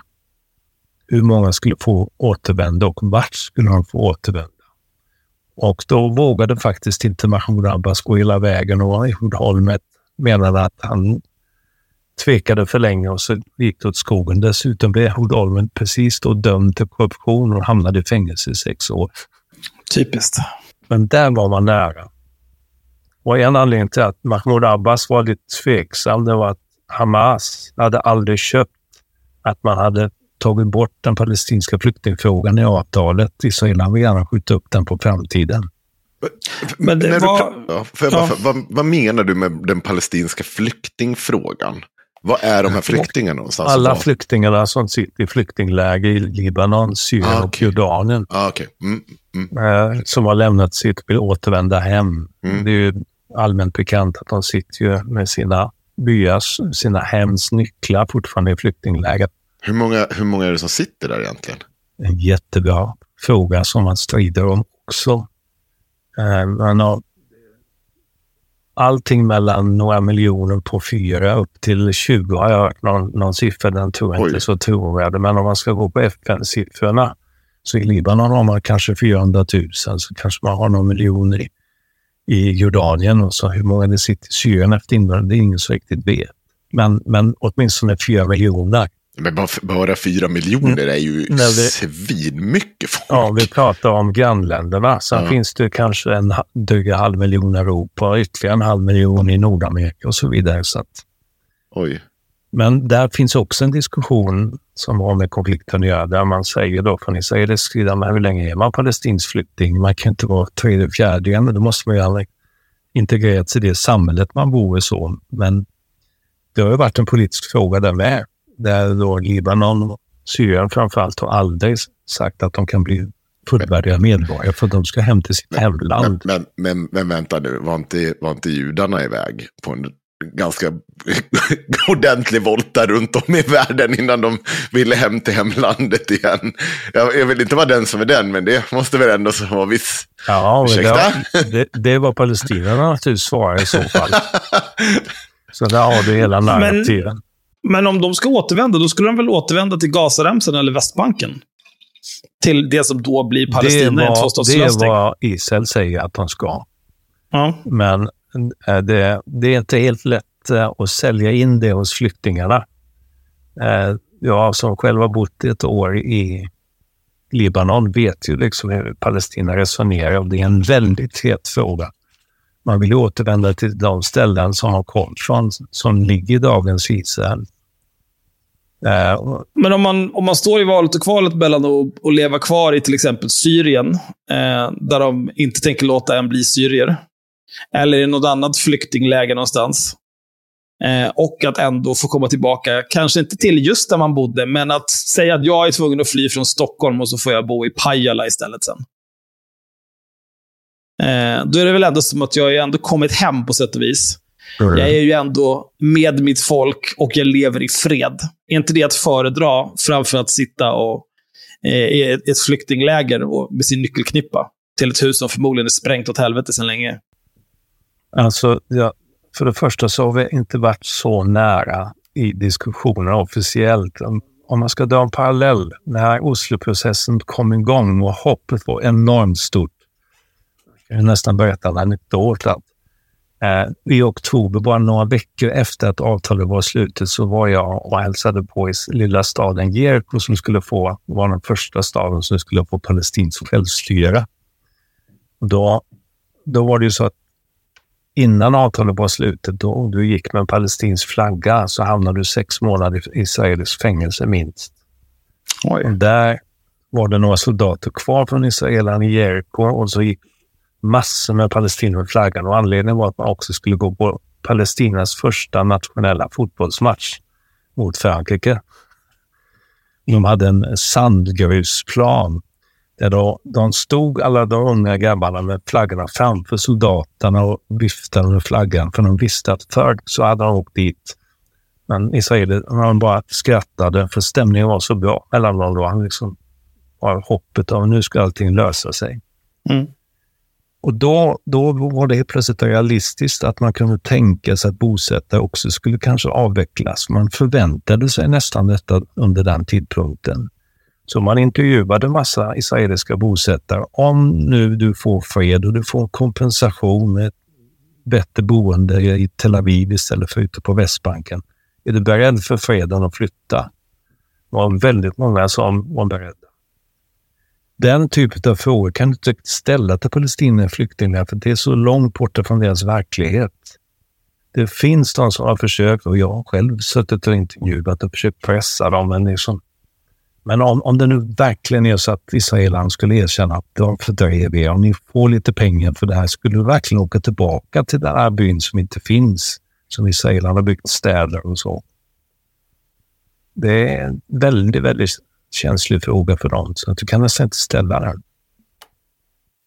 Nej, men ja, jag, Men det om det alternativet skulle finnas, det kanske en del skulle stanna i Libanon och Syrien. Ja, Syrien vet vi ju inte, men i alla fall i Libanon. De är inne i tredje, fjärde, femte generationen från 1948. Så det är klart att de har etablerat, de känner inte till något annat än om man är uppvuxen i ett flyktingläger i mitten av Beirut. Det libanesiska samhället, hur funkar där? Så svåra frågor, men de är politiskt känsliga. Ska vi fortsätta? Eh, Vi var ju någonstans stannade vi upp där 2006 tror jag. Och jag Mm. tänkte fråga, är det då man minns bilder från när de står typ och kastar sten mot Israel? Det var väldigt, det var, under en period var det väldigt mycket sådana bilder som kom ut. Allt från barn till liksom män som stod och kastade sten. Eller är det senare i? Vad Nej, hände där efter 2006? Alltså man kan väl säga att ungdomar kastade ju delvis sten under redan första palestinska upproret mot äh, israeliska tanks och soldater och så. Sen kommer det intensifieras än mer när andra intifadan kom mellan 2000 och 2005. Sen varje gång det är protest eller någonting, att israeler kommer in med jeepar och soldater i någon by eller så, så händer det ofta att man kastar sten och börjar bränna bildäck och så. Men sen har det, man kan säga att situationen har blivit allt mer har nästan anarkitillstånd. Alltså det är väldigt sådär vilda västern-likt. Jag själv ehm, var i, på Västbanken i september, eh, oktober förra året och åkte runt för att ta mig till olika byar för att faktiskt intervjua aktivister som bedriver icke-våldskamp. Det är någonting man ofta missar i väst, men den mest vanliga metoden för att bekämpa ockupationen, det är att man pysslar med icke-våldskamp, alltså civilt motstånd. Eh, och, eh, men när jag reste runt där så hamnade jag ofta eh, i långa bilköer eller kom precis under när någon av bos, israeliska bosättare kastade sten eller började skjuta mot bilarna. Eh, där då palestinska ungdomar stod och brände däck och kastade sten mot bosättarna. Så det, vardag i dagsläget är det ännu värre. Eh, Så det, det är en väldigt svår situation för Palestina på det sättet. Eh, De här bosättarna, vad, vad är det som driver dem? Varför är det så viktigt för dem att, Ja, alltså som jag alltså, sa, att då, flytta när man gränserna? testade om bosättarna var redo att flytta så var typ 75-80 procent redo att flytta. Men en spilla, då var de mellan 5 och 15 000 som under inga omständigheter kan tänka sig att flytta på sig. Nu är de fler och det hänger ihop med att de är religiösa nationalister. Såklart. Det betyder att, att eh, de gör en annan tolkning av eh, judendomen än vad de gamla ortodoxa judarna brukade göra. Och om man ska enkelt förklara det så kan man säga att de ortodoxa judarna förut, de har också börjat svänga mot religiös nationalism. Men före 67 framför allt, så sa man att Israel, de mest extrema, sa att Israel är Satans verk. Det är inte Guds verk. Vi ska inte ens prata hebreiska, utan vi ska tala modern hebreiska, Satans språk. Vi ska prata jiddisch. Och så kopplingar till Östeuropa. Och vårt sätt att få tillbaka eh, judarnas rike, det är att vi håller oss till de judiska reglerna lagar, religiösa skrifterna och ber ordentligt. Då kommer han någon gång Messias. Men det är de här som också nu protesterar väldigt mycket mot konflikten, va? De som, Eh, Nej, Eller? vet jag inte om jag skulle säga, men Ja. de har blivit minoritet. De är väldigt få kvar. Nu har man svängt och blivit mer religiösa och det innebär då att eftersom Israel vann kriget 67 och, och de lyckas så väl att ta tillbaka bibliska Israel så måste vi påskynda processen och göra oss av med Palestina och bygga kontroll här. Då kommer Israel, eh, Messias tillbaka snabbare. Så man har en helt annan tolkning. Så att de tycker att de är de största patrioterna i Israel som tar kampen mot araberna, som man säger då, i Västbanken och ska fördriva dem helt enkelt. Så bygga israeliska nya byggnader.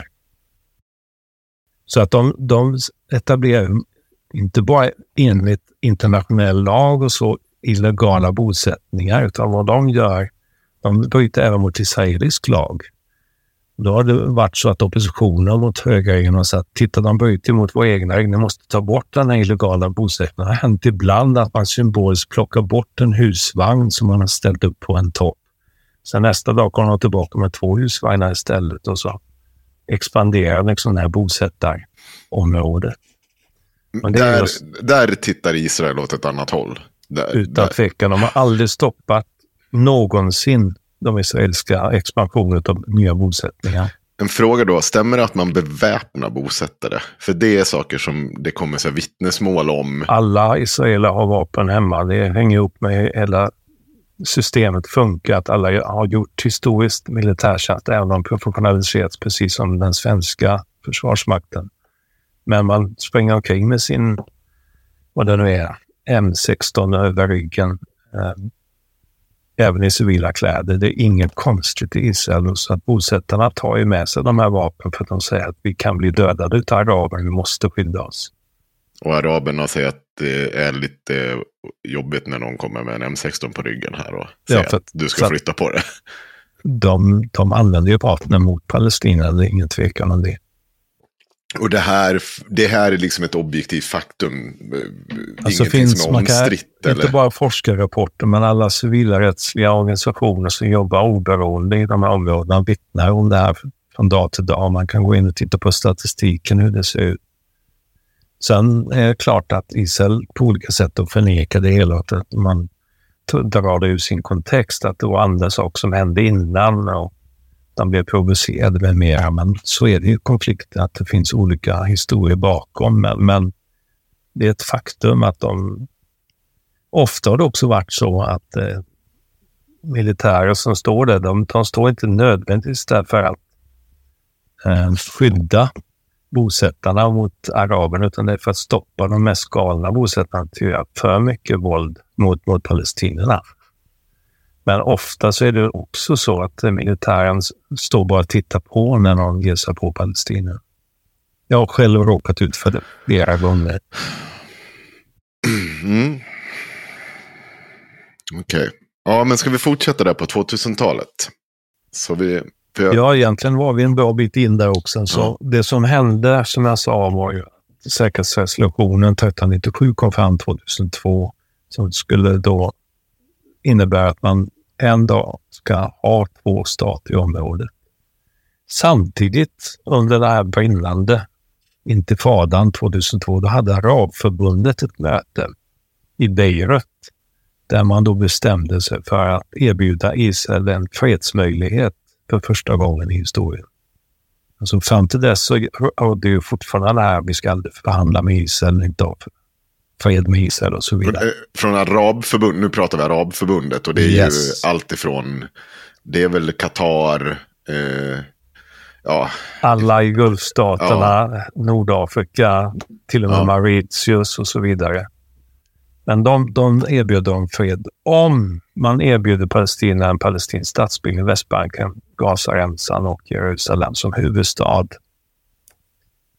Uh, och israelerna som var mitt uppe i, i, att återta stora städer på Västbanken och så trodde bara att det var nonsens. Men det intressanta var det att det var en viss um, um, prins, var han väl, han inte hunnit bli kungen, Abdallah av Saudiarabien som drev den här frågan. Fram till dess så sa man att det sista staten som kommer sluta fred med Israel, det är Saudiarabien. Ja. Så Men där såg man det här skiftet Precis, för det var också någonting som vi har kommit att diskutera. Där jag har förstått det som att innan det här hände, Mm. de senaste åren, så har man sett ett skifte mellan Saudi och Israel, i Saudi och Israels relationer. Mm. Att det har börjat tina upp på ett sätt som har varit gynnsamt för att, ja, inte mer konflikt. Mm. Ja, man kan Stämmer väl, det stämmer. Som jag nämnde då så hade vi en splittring mellan Fatah och Hamas 2007 när Fatah försökte göra en statskupp.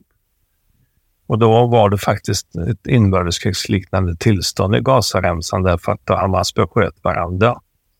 Och det tyckte jag Arabförbundet eh, så med, inte med om. de här takraketerna.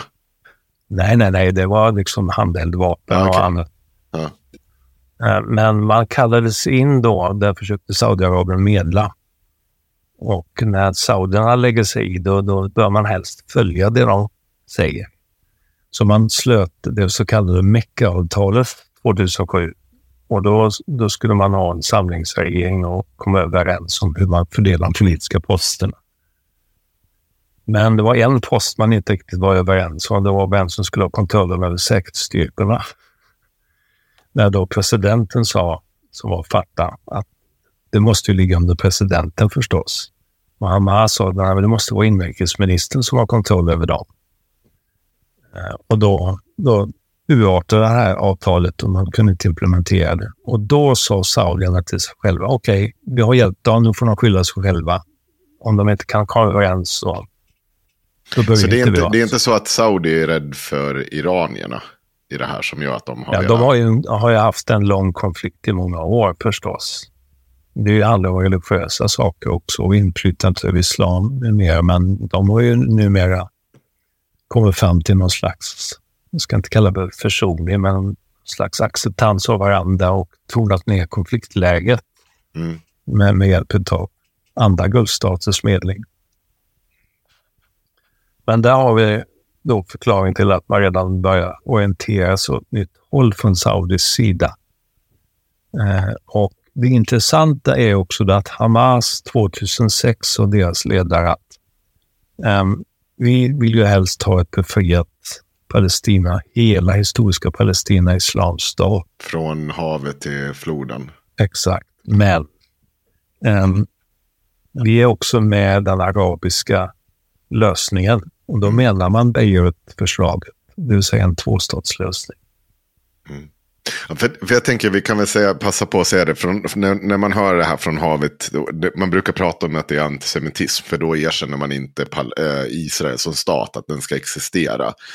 Eh, det är därför man pratar om, eller när det kommer upp när man säger från havet till floden. För då försvinner Israel från kartan, så att säga. Precis, man kan också uttrycka det på ett annat Jag vet inte om man ska kalla det antisemitism, men i alla fall man följer inte heller internationell eh, rätt Nej. och lagar eftersom Israel har blivit erkänt och upptaget i FN. Mm. Det är ofta någonting som man glömmer. Um, nu tappar bort mig. Det är kanske är dags för att fylla på vatten och grejer. Jag gör det. Det kan vi ta en paus.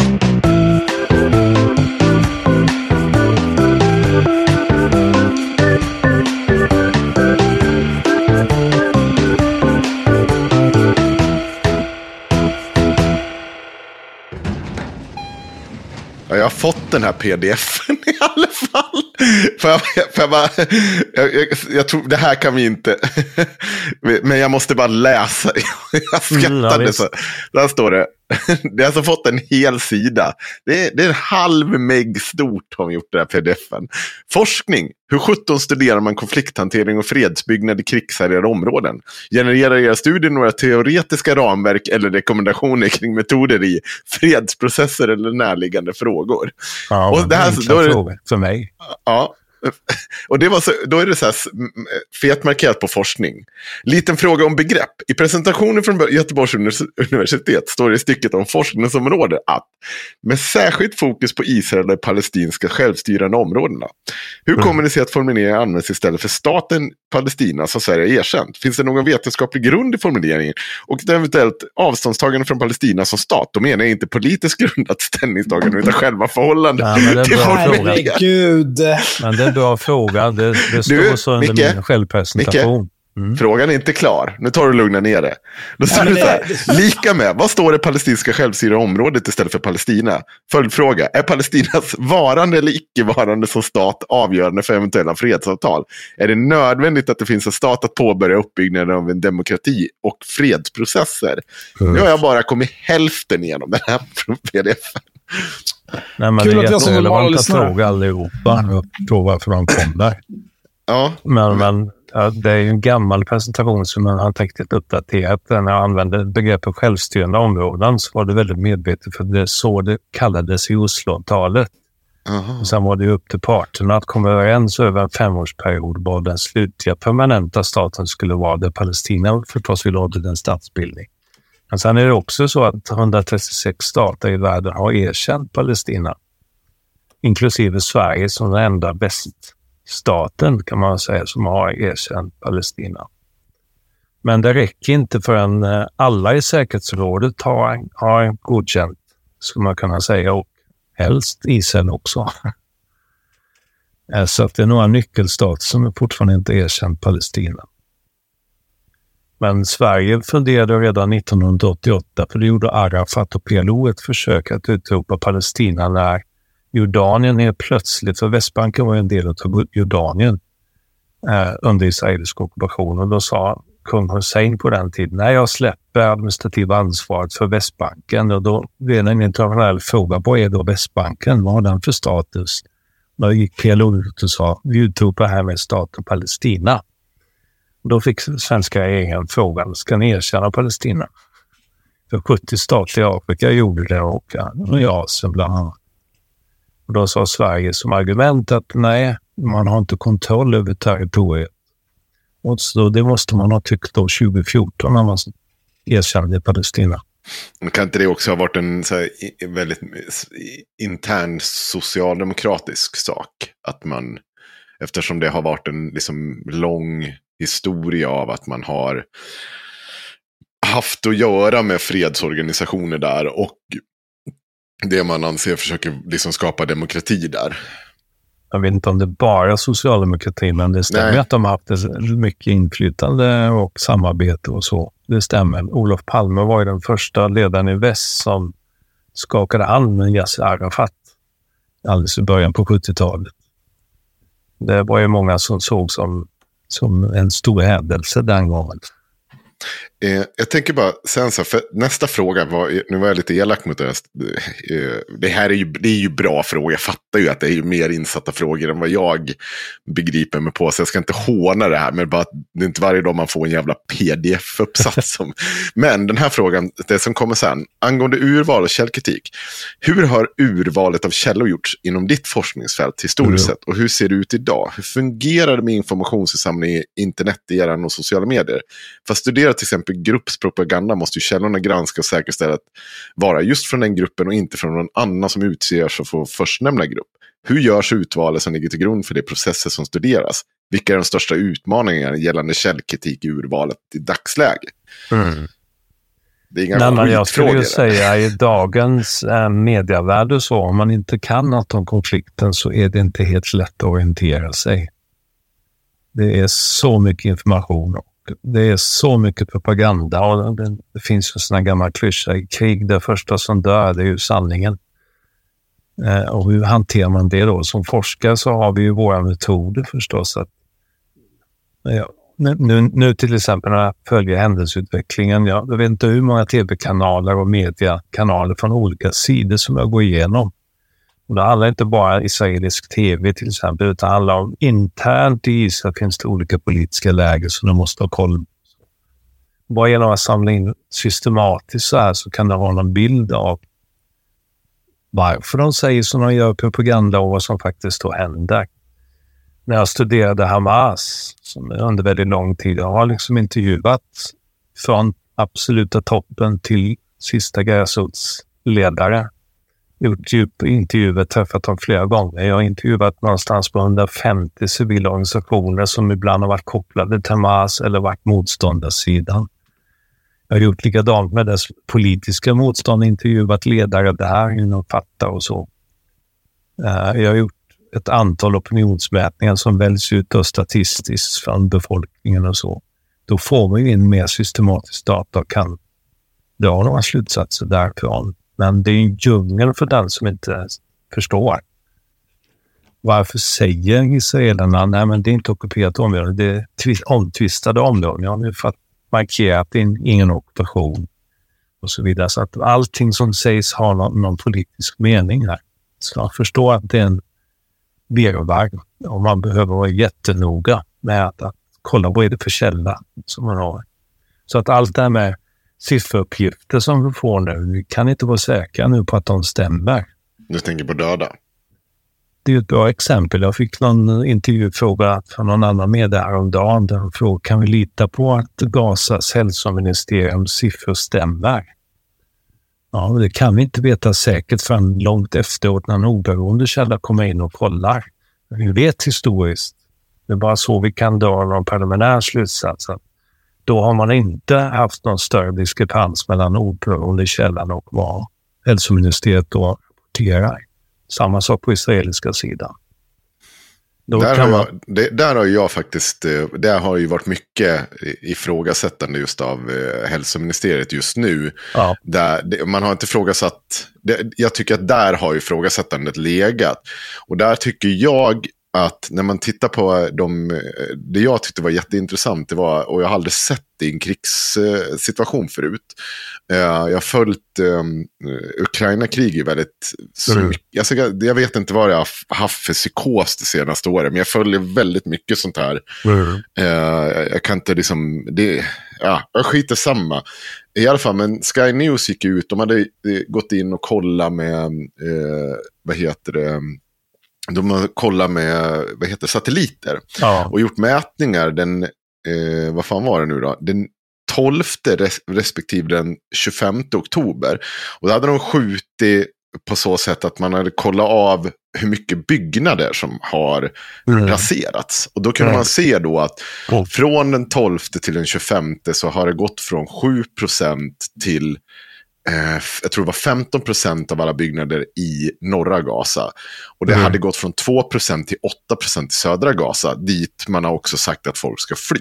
Ja, Vilket är ju helt såklart helt horribelt. Men då, då pratar man också alltså, i termer av att när man pratar om 15 procent av byggnaderna i norra Gaza som ska vara söndersprängda, de är ju såklart ner. Det här är ju sju dagar sedan, det är en vecka till, det har sprängt sönder mer sedan dess. Mm. Då pratar man bara om de som har blivit till grus eller som fått taket förstört så att signalen splittras. De som är som, det kanske, det händer ju att taket sitter kvar uppe på, men hela kåken är i princip utsprängd. Ja. Det ser man inte. Så där är ju siffran snarare osäker åt att det förmodligen är mer som är skadat. Mm. Mm. Och då, om man ställer det mot till exempel vad hälsoministeriet går ut, så, så är det ju sannolikt att det finns väldigt många döda här. Och det, man kanske inte ens vet om alla. Så kan det vara. Och man kan säga att när oberoende källor kommit in och så man har räknat, eller det är ofta sådana här saker som spelar in, att det är en viss diskrepans, men det, stämmer ganska bra. Ja. Historiskt sett. Vi vet inte i den här, för det kan vara ännu svårare att få tag och vad är det som har hänt under de här rasmassorna? Finns det fler människor eller inte? Det, det, det vet vi inte idag. Det kommer ju fram så småningom. Jag kan... No, det finns så mycket, men bara som egen, det, det som hände igår, eller var det förrgår nu, när man bombar ett flyktingläger från Israels håll.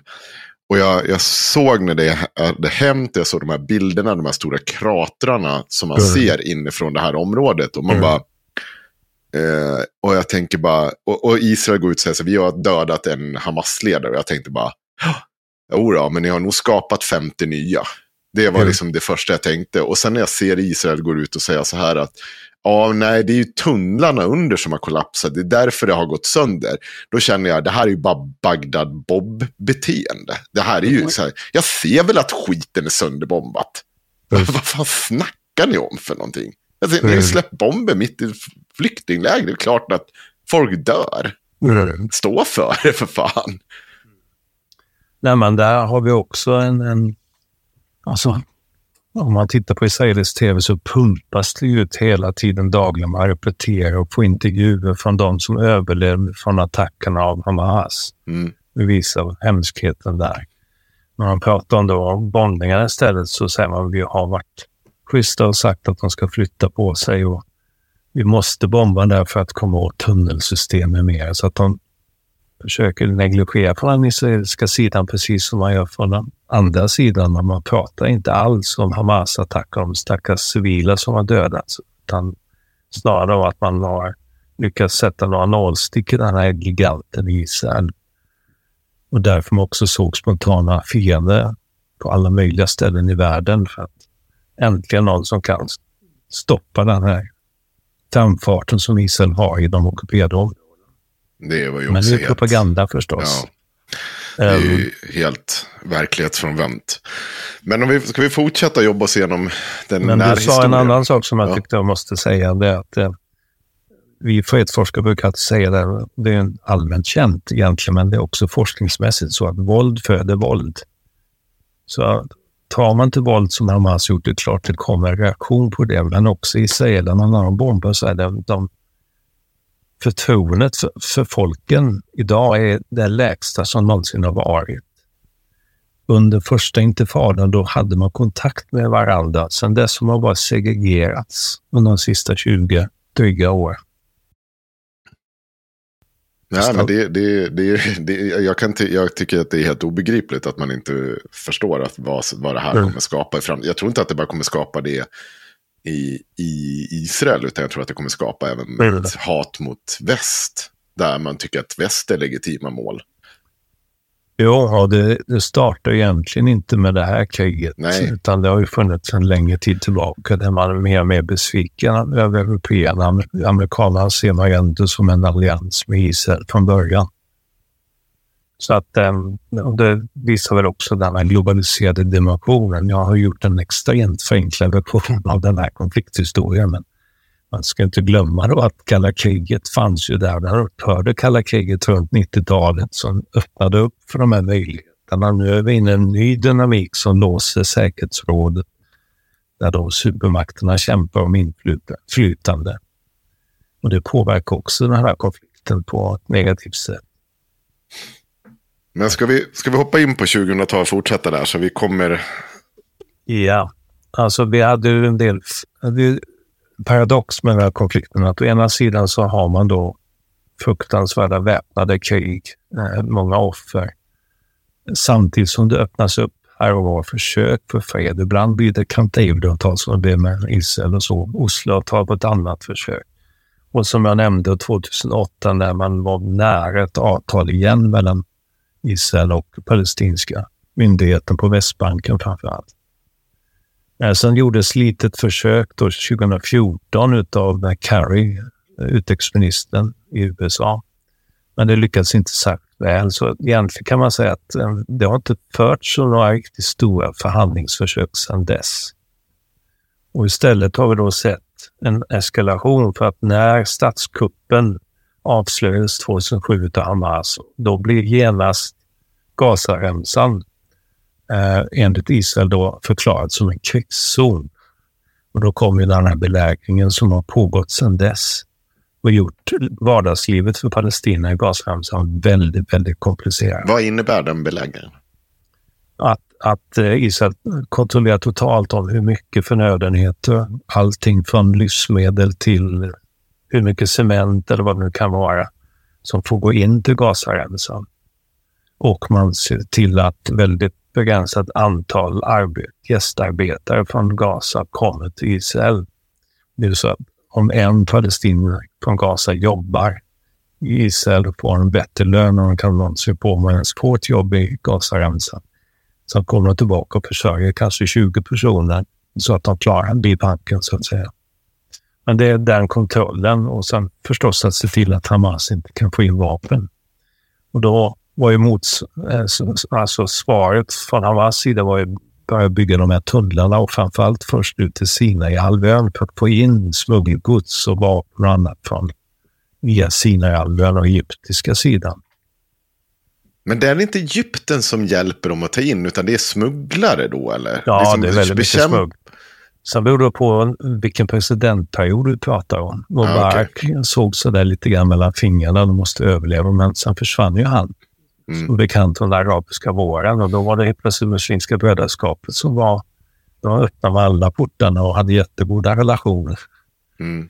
Det var för övrigt det året som var sista gången jag själv besökte Gaza. Då var det återigen efter en konfrontation mellan Israel och Hamas när Israel hade eh, bombat mot, mot en position där ledaren för säkerhetsstyrkorna, Al-Qassam-brigaderna, genomfördes. Och då blev det några dagars strid där och sen var det eldupphör igen. Eh, och sen kom då eh, den nuvarande presidenten till makten som hatar allting som heter Muslimska brödraskapets. Och så försökte han stoppa tunnlarna till Egypten. La ner vatten och cement och grejer för att göra det omöjligt. Då. Men de hittar alltid nya vägar att ta sig in och ut här. Det är, vissa tunnlar är så stora att du kan köra in bilar. Eh, så att det har varit svaret på att försöka överleva. Men jag ska komma ihåg 2017 kom en FN-rapport som sa att om några år så kommer det vara obeboeligt i Gaza för att 50 procent arbetslösa, hälften av befolkningen nästan är bara barn. Det finns inga riktigt starka inkomst, alltså hållbara inkomstkällor. Vattenkvaliteten är fruktansvärd. Den som har varit i Gaza vet att om man öppnar en vattenkran så kommer man brun vätska.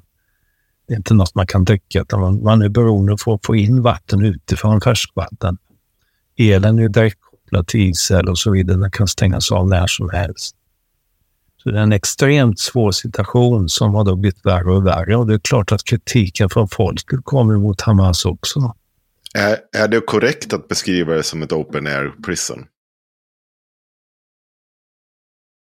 Ja, det är en beteckning. Det är utan tvekan så att man kan inte ta sig in och ut från Gaza hur som helst. Eh, den tidsperioden när Muslimska brödraskapen var i makten i Egypten, det var från ungefär 2012 till 2013, en, två år. Mm. Då var det okej. Okay.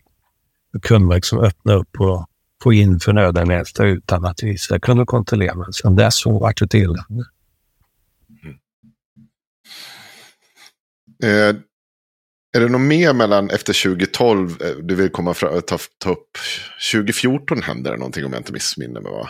Ja, men det var när Carrie försökte då ja, ta precis. upp plan, men det var svårt. Och det beror i sin tur på att Israels inrikespolitiska eh, läge, om man ska säga så, så har vi ju fått, Netanyahu vann ju makten, eller felaktigt sagt, han vann inte valet 2009 för det var Kadima som blev största parti. Men den partiledaren, Sipilitny, lyckades inte bilda koalition. Så lyckades Netanyahu lura över de små partierna så att han fick majoritet. Och i princip har jag suttit där fram till ja, 2020-talet ungefär när vi fick den första riktiga krisen för Netanyahu.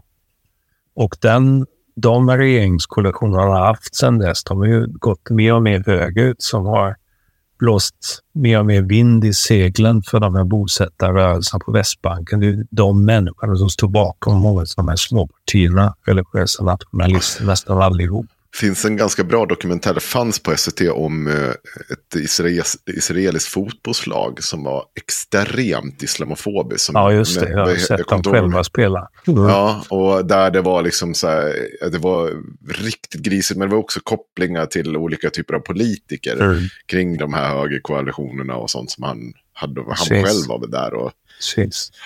Eh, men i alla fall, det är någon som säger så här, fick protesterna 2018 2019 och deras gensvar det utrymme och kontext de förtjänar i media, media enligt dig? Och jag vet inte riktigt vad han menar då.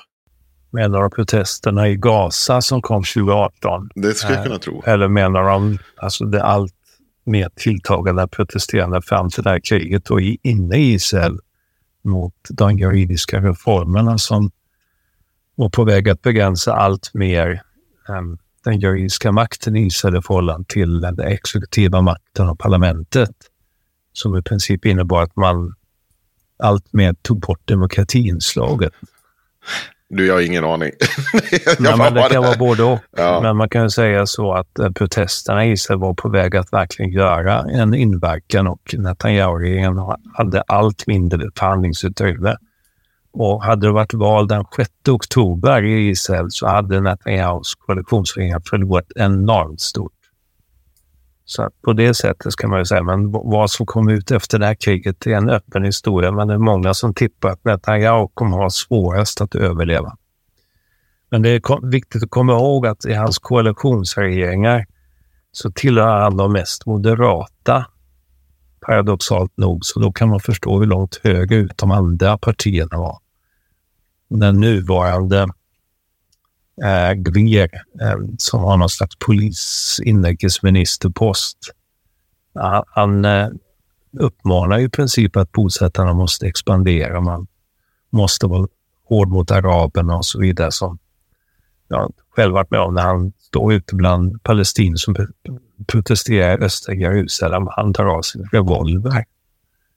Alltså, tänk, vår inrikesminister skulle dra sin pistol mot protesterande demonstrant. Det är ju helt galet.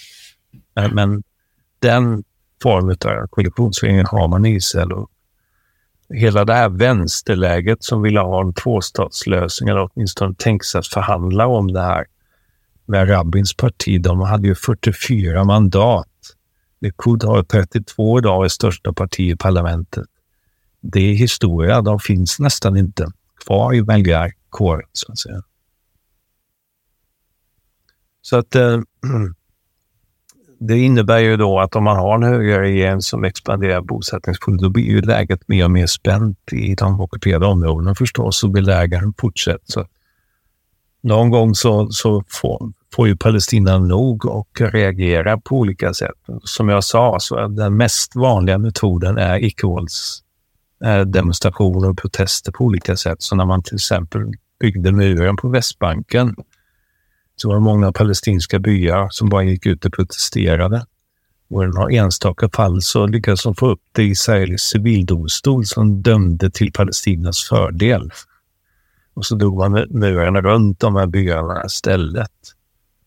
Eh, men eh, då och då så kom också Hamas, sköt över några raket och då blev det genast konfrontation. Det hände 2008 och 2009 och det hände 2014. Då var det 50 dagars konflikt med 2300 palestinska döda och 73-76 israeliska soldater. Och det, det har ju bara liksom skapat större avstånd mellan folken. Samtidigt som israeliska politiker har sagt att det finns ingen att förhandla med på palestinska sidan. Presidenten på palestinska Västbanken, han är så svag, han har inget förtroende hos palestinierna. Så det var ingen att förhandla med. Ungefär vad man säger internationellt. Ända fram till dags dato. Men faktum är att säkerhetstjänsten har samarbetat då Fatah och israeliska för att då jaga Hamas folk på Västbanken. Äh, så att det, är det går när man vill. Precis. Är det någonting mer du vill ta upp som fram till liksom, om vi, innan den 7 oktober? Ja, jag tycker nog att vi har sagt det mesta. Jag kan inte dra upp hela internationella relationerna. Det är så komplicerat. Men, det är väl ungefär läget att det har pågått ett förtryck utifrån Palestinas perspektiv definitivt, eh, som har intensifierats. Men som jag nämnde, bosättarna som på bärsärkagång mot, mot palestinier och så. Stämmer det också? Det har jag sett, men också så här, där har jag inte eh, tagit, liksom, för jag har inte sett eh, några säkra källor på det, men att man har åkt runt här vid bosättningen och så tömt, alltså Israel alltså tömt eh, cement i vattenbrunnar och sånt där för att gör det inte så att de inte ska kunna leva? Eh, det är någonting man måste kolla från fall till fall vem som har gjort vad. Ja. För när man säger Israel så vad menar man då? Är det soldaterna okay. eller är det bosättarna eller är det någon annan? Så. Okay. Men, men att bosättare har gjort sådana saker, det är ingen tvekan. Okay. Men det är mer hur ofta händer det? Och vad har det för relevans alltså, i det stora hela? Om man går tillbaka längre tillbaka när man startade och ta saken i egna händer så kunde man ju gå på nätterna och skära upp bildäcken hos Palestina och sabotera på olika sätt. Men nu tar man till mycket tuffare våld och använder vapen och så vidare. Allt för att stoppa dem liksom, så att man gradvis kan ta över mer mark och bygga en israelisk bosättning.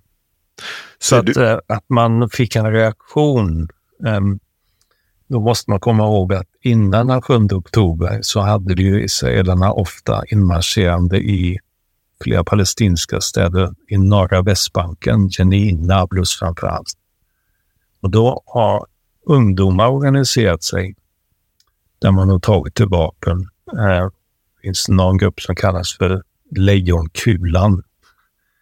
Eh, och det som är intressant är det att de är inte Fatah eller Hamas. De tillhör alla de politiska lägren. Man har sagt att vi ska hålla ihop allihopa.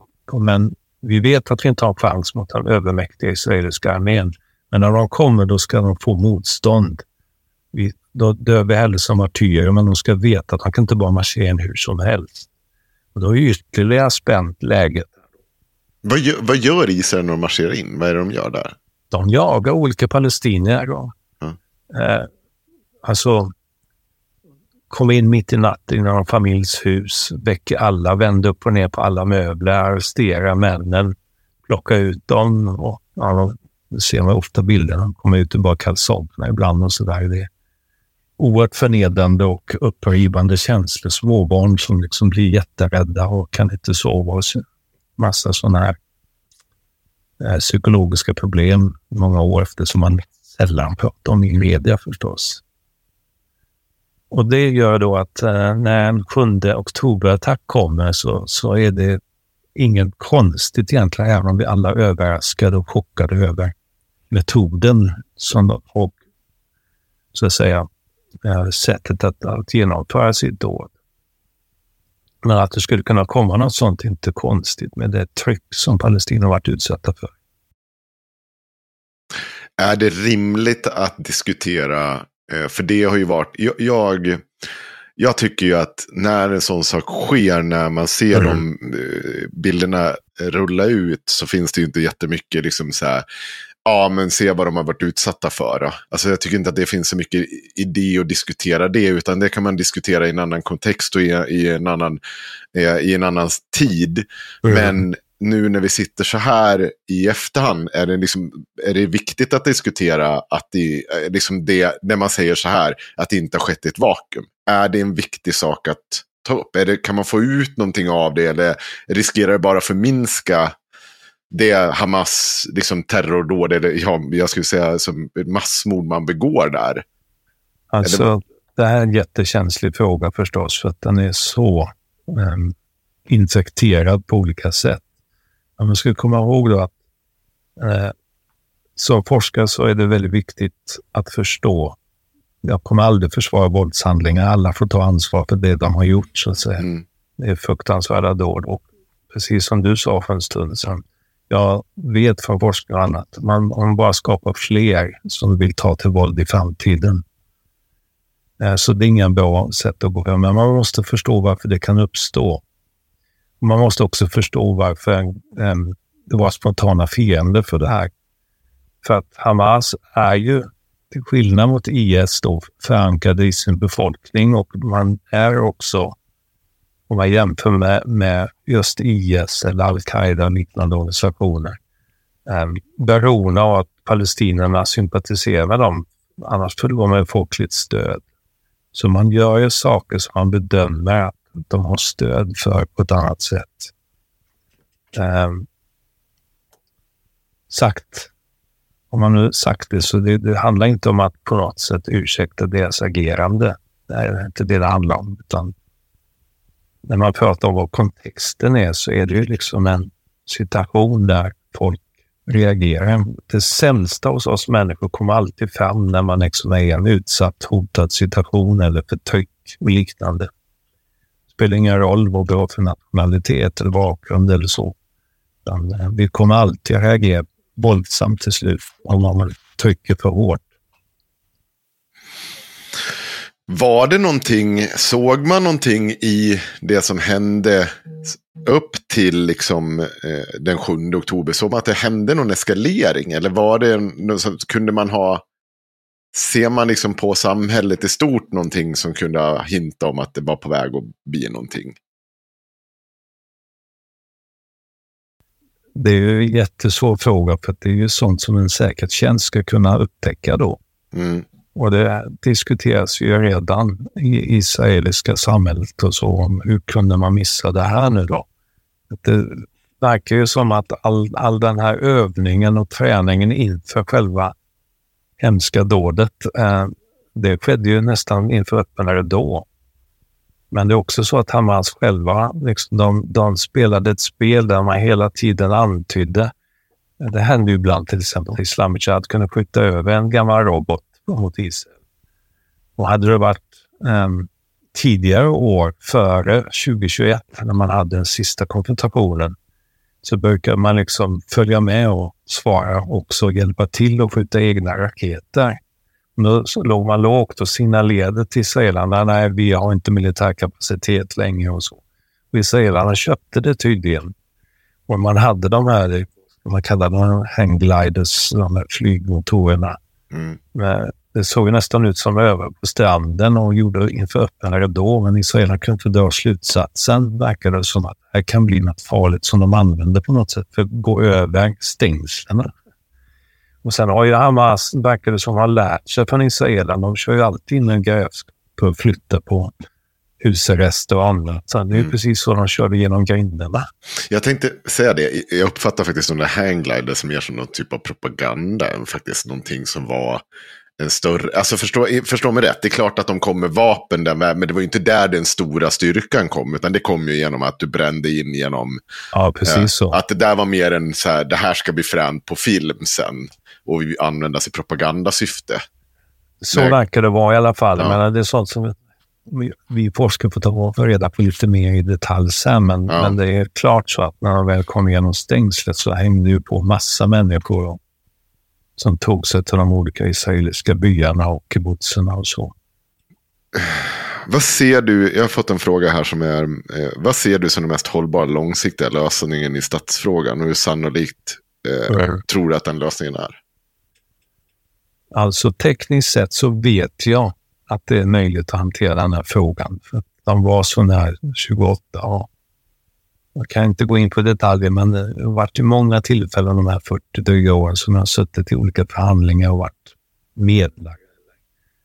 Budbärare mellan parter av olika, olika slag här. Och jag vet att tekniskt sett så finns det lösningar som kan funka. Men nu är folken längre från varandra än någonsin tidigare. Alltså, jag brukar säga till mina egna studenter, var tror ni att freden kommer ifrån egentligen? Tror ni att Netanyahu och Abu Mazen någon morgon tittar sig själva i spegeln och säger oj, jag börjar bli gammal, det är dags att ändra kurs om jag ska hinna vinna Nobels fredspris. Nej, så funkar det inte. Det är inte heller så att supermakter, vad man än tror om USA och andra stormakters kapacitet, bara kan vrida om armen och sen följer man. Nej, det, det är ofta som leder till att man vågar testa nya spår. Det är att man har ett folkligt tryck för att man vill ha förändring. Mm. Men nu är det inte så. Nu finns det inte fredsläge i Israel på det sättet. Det är i princip borta. Hur ser folket i Palestina då på det? Att liksom det Hamas gjorde. Och hur ser stödet ut för Hamas idag? Nu författar jag att de siffrorna idag är otroligt osäkra. Men ja, hur, hur, ja, men liksom inför, för det jag har hört hela tiden är att Hamas stöd har minskat successivt under åren. Ja, alltså mina egna studier pekar på det att eh, från det att de tog makten, de hade väldigt starkt stöd, för många palestinier hoppades när de vann makten i valet 2006. Att de skulle ta hand om ockupationen och befria Palestina å ena sidan och bli mer, mindre korrupta men det blev inte så. Och så istället fick man ett antal krig och det är klart om de har massarbetslöshet, massa bostäder som är raserade efter bombning och annat. Då blir det ju som myndighet till slut också ansvarig. Då ökar missnöjet. Så att både Fatah och Hamas, som jag sa, har väldigt lågt förtroende hos Palestina, fast de är de enda partierna som nästan har något inflytande. Men om sossarna hade, säg 25 procent, knappt, förtroende hos folket för det de för för politik. Det är inte helt enkelt. Eh, och jag tror att eh, de som förstås tillhör de andra lägren som inte vill rösta Hamas, det är ju den absoluta majoriteten, de är ju missnöjda med Hamas. Eh, så att eh, Hamas har ett svårt läge nu också. Och ju mer som dör, ju mer elände de har, desto mindre stöd tror jag i långa loppet. Och det är vad Israel också hoppas på. De säger ofta det, att Palestina måste göra sig av med Hamas. Det sa man också i de tidigare krigen att eh, vi kan inte hålla på här och strida och Palestina måste hjälpa till. Och, det, och, det tror, och då tänker man att om vi bombar 50 personer för att ta ihjäl en Hamas-ledare, då kommer vi få dem att fatta att Hamas måste förkastas. Ja, det implicerar redan vad det innebär. Jag har bara svårt att se att det, jag vet inte, det, det var någon som sa det så jävla bra. Om någon hade gjort så så hade jag fan startat Hamas 2. Och det, och det, det är ju inte så att, det, men, det är, jag har så svårt att inte förstå. Äh, vi har gjort det här i världen så många gånger. Vi har gjort det här. Det som möjligen då kan vara intressant att, att lyfta fram här, det är att jag har noterat både bland israeliska experter, politiker, militärer, underrättelsetjänstfolk och på den palestinska sidan, men även i västvärlden, så förs en diskussion om att efter det här kriget så kan vi inte bara ja, som vi gjort i tidigare krig, slå till dem ordentligt, backa och sen fortsätta livet som vanligt i Israel.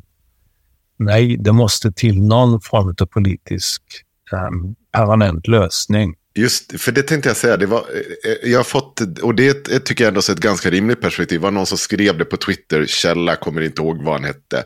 Men någon Mm. typ av sån tänkare som sa det att alltså, oavsett vad som händer nu så kommer Mm. inte Israel acceptera ett vapentillstånd bara för att man har gjort det så många gånger nu. Att det, man kommer inget, nu måste det ske någonting annat. Ja, alltså, med, men Ur deras perspektiv. säger du kan inte lösa det militärt i slutändan. Väldigt många israeler säger det. Inte regeringen, men Nej, nej, förstås, men, nej, det såg jag också före detta men då har man pratat om till exempel, ska man dela av Gaza i två eller tre olika delar och klämma ihop Palestina ytterligare? Jag har hört en del, till och med sekulära, inte bara religiösa, som pratat om att vi får driva ut dem i Sinai och annektera, säger de religiösa nationalisterna. Eh, eller så tar man in eh, arabiska styrkor eller så som kan, eh, eller till och med internationella styrkor, FN-styrkor som går mellan israelerna och Gaza för att någonstans lugna ner läget och så hoppas man på kanske palestinska myndigheten på Fatah-myndigheten från Västbanken tar över kontrollen och undrar jag om de överhuvudtaget skulle våga göra i ett första läge. Men den typen av diskussioner förs. Och sen har jag hört då även en annan, annan israelisk vänsterpolitiker, en känd diplomat, som lyfte liksom det här med att ja, vi måste ändå erkänna de palestinska nationella rättigheterna och då måste vi kanske diskutera tvåstatslösningen trots allt. Vad, vad tror du om de här dokumenten som har kommit fram nu där man har pratat om att förflytta dem till Sinai-halvön? Och alltså som är, i, i tanken i efteråt det här kriget. Israel har ju tonat ner det. eh, Och för den som inte vet vad det är. Så att det har kommit fram dokument från någon typ av oberoende myndighet. Jag fattar det lite som när vår, vår regering, när vi ställer frågor till det här, vad heter det?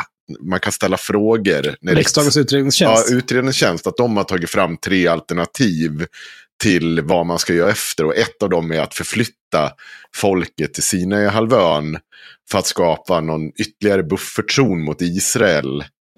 Ja. Som om de inte redan var tätbefolkade. Det är världens mest tätbefolkade område. Och så ska man trycka ihop dem till en tredjedel av Gaza, eller hälften av Gaza redan. Det är liksom där allting är förstört.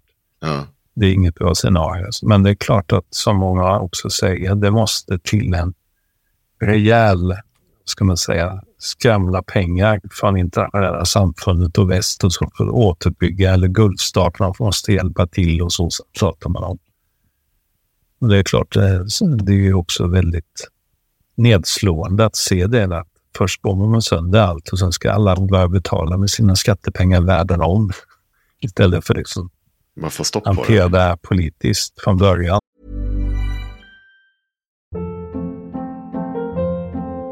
Hold up. What was that? Boring. No flavor. That was as bad as those leftovers you ate all week. Kiki Palmer here, and it's time to say hello to something fresh and guilt-free. Hello Fresh. Jazz up dinner with pecan-crusted chicken or garlic butter shrimp scampi. Now that's music to my mouth. Hello Fresh. Let's get this dinner party started. Discover all the delicious possibilities at hellofresh.com.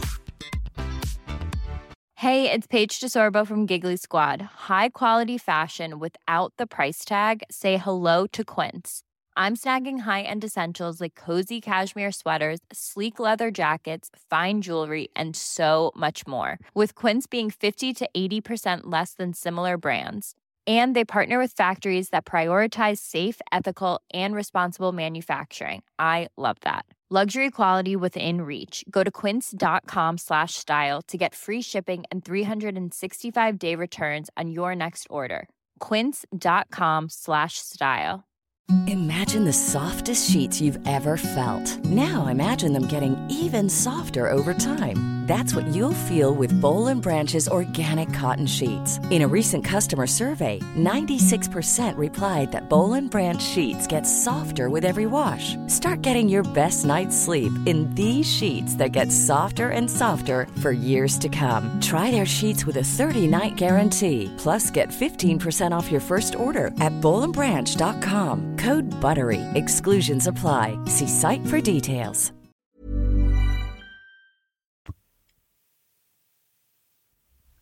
Och sen är det också så att det finns...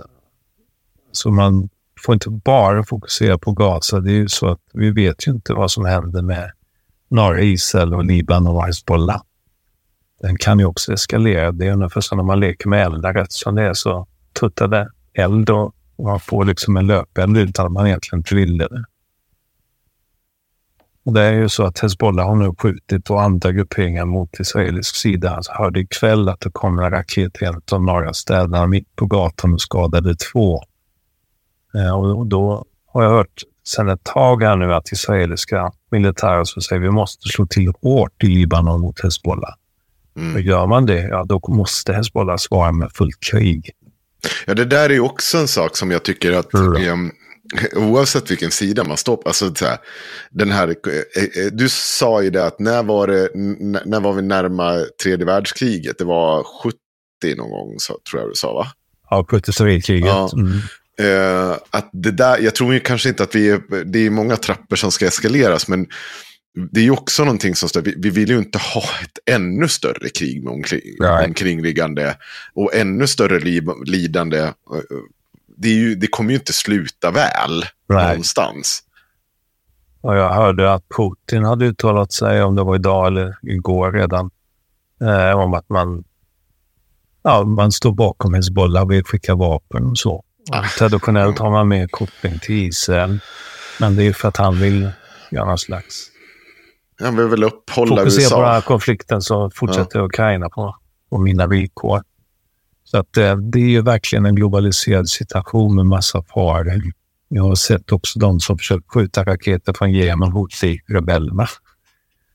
Eh, som, som amerikanerna egentligen då sköt ner missilerna när de var på väg mot Israel. Så det, det är ovanligt att se något sånt här eh, läge i Mellanöstern där så många är involverade på något sätt. Så att eh, det gäller att säkerhetsrådet börjar enas. Jag tror jag fråga, svarar på den här frågan ändå. Jag tyckte den var ändå så bra. Min sambo anser att Palestina ska resa sig mot Hamas som respons på Israels bombningar. För att Hamas är orsaken till bombningarna. Jag hävdar att den som skjuter mitt barn är den jag kommer gå emot. Och det radikaliserar folk till att joina Hamas istället. Vad säger Mikael och varför håller han med mig?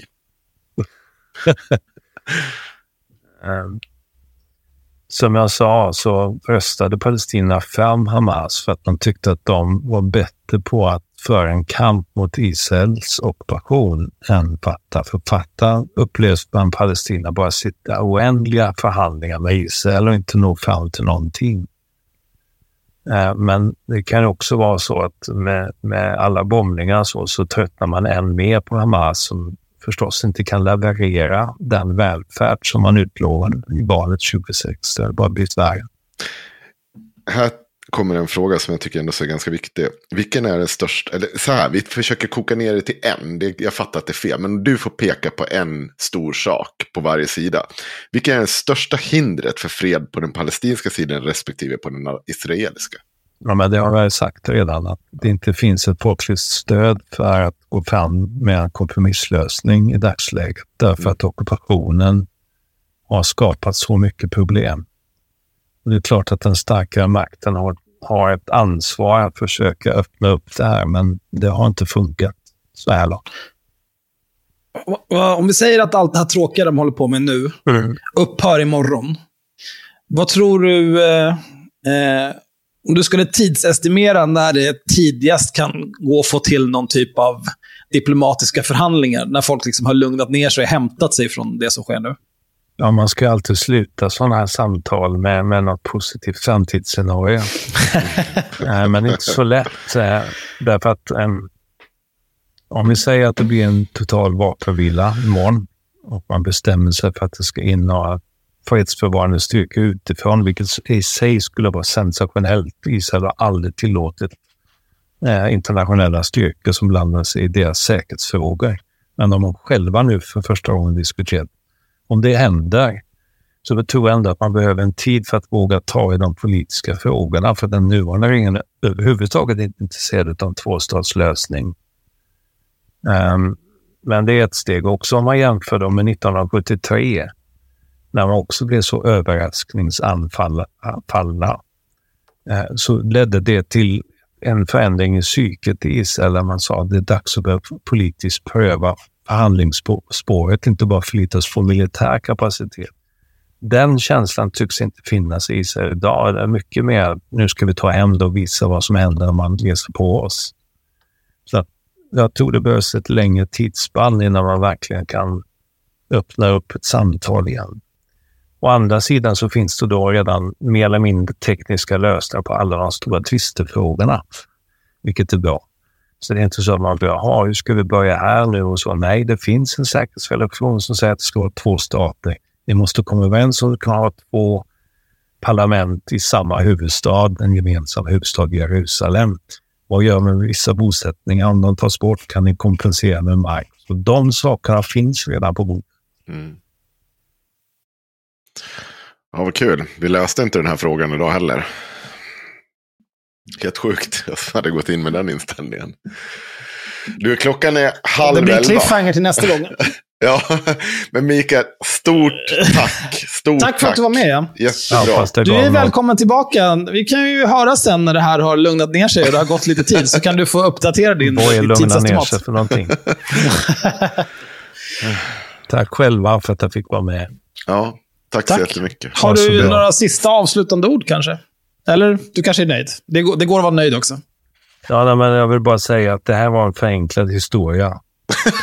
så att eh, man, man kan verkligen hålla på. Jag brukar utbilda en del folk som brukar jobba i Västbanken och Palestina och observera vad som händer för att någon oberoende källa ska finnas. Då har vi två heldagar och de tycker det är alldeles för lite. Så att eh, så är det. Du oroar dig inte. Det kommer vara många som har lyssnat på det här och anser sig vara nya experter på den här Ja, jag ser konflikten. fram emot att få höra folk som ska höra av sig. Så här, Nej, men du vet, sa en grej här 1.15 in i avsnittet. Det tycker jag var fel. För att, Ja, okej, absolut. Vad bra. Eh, och nu är det bra. Fridens. Fridens.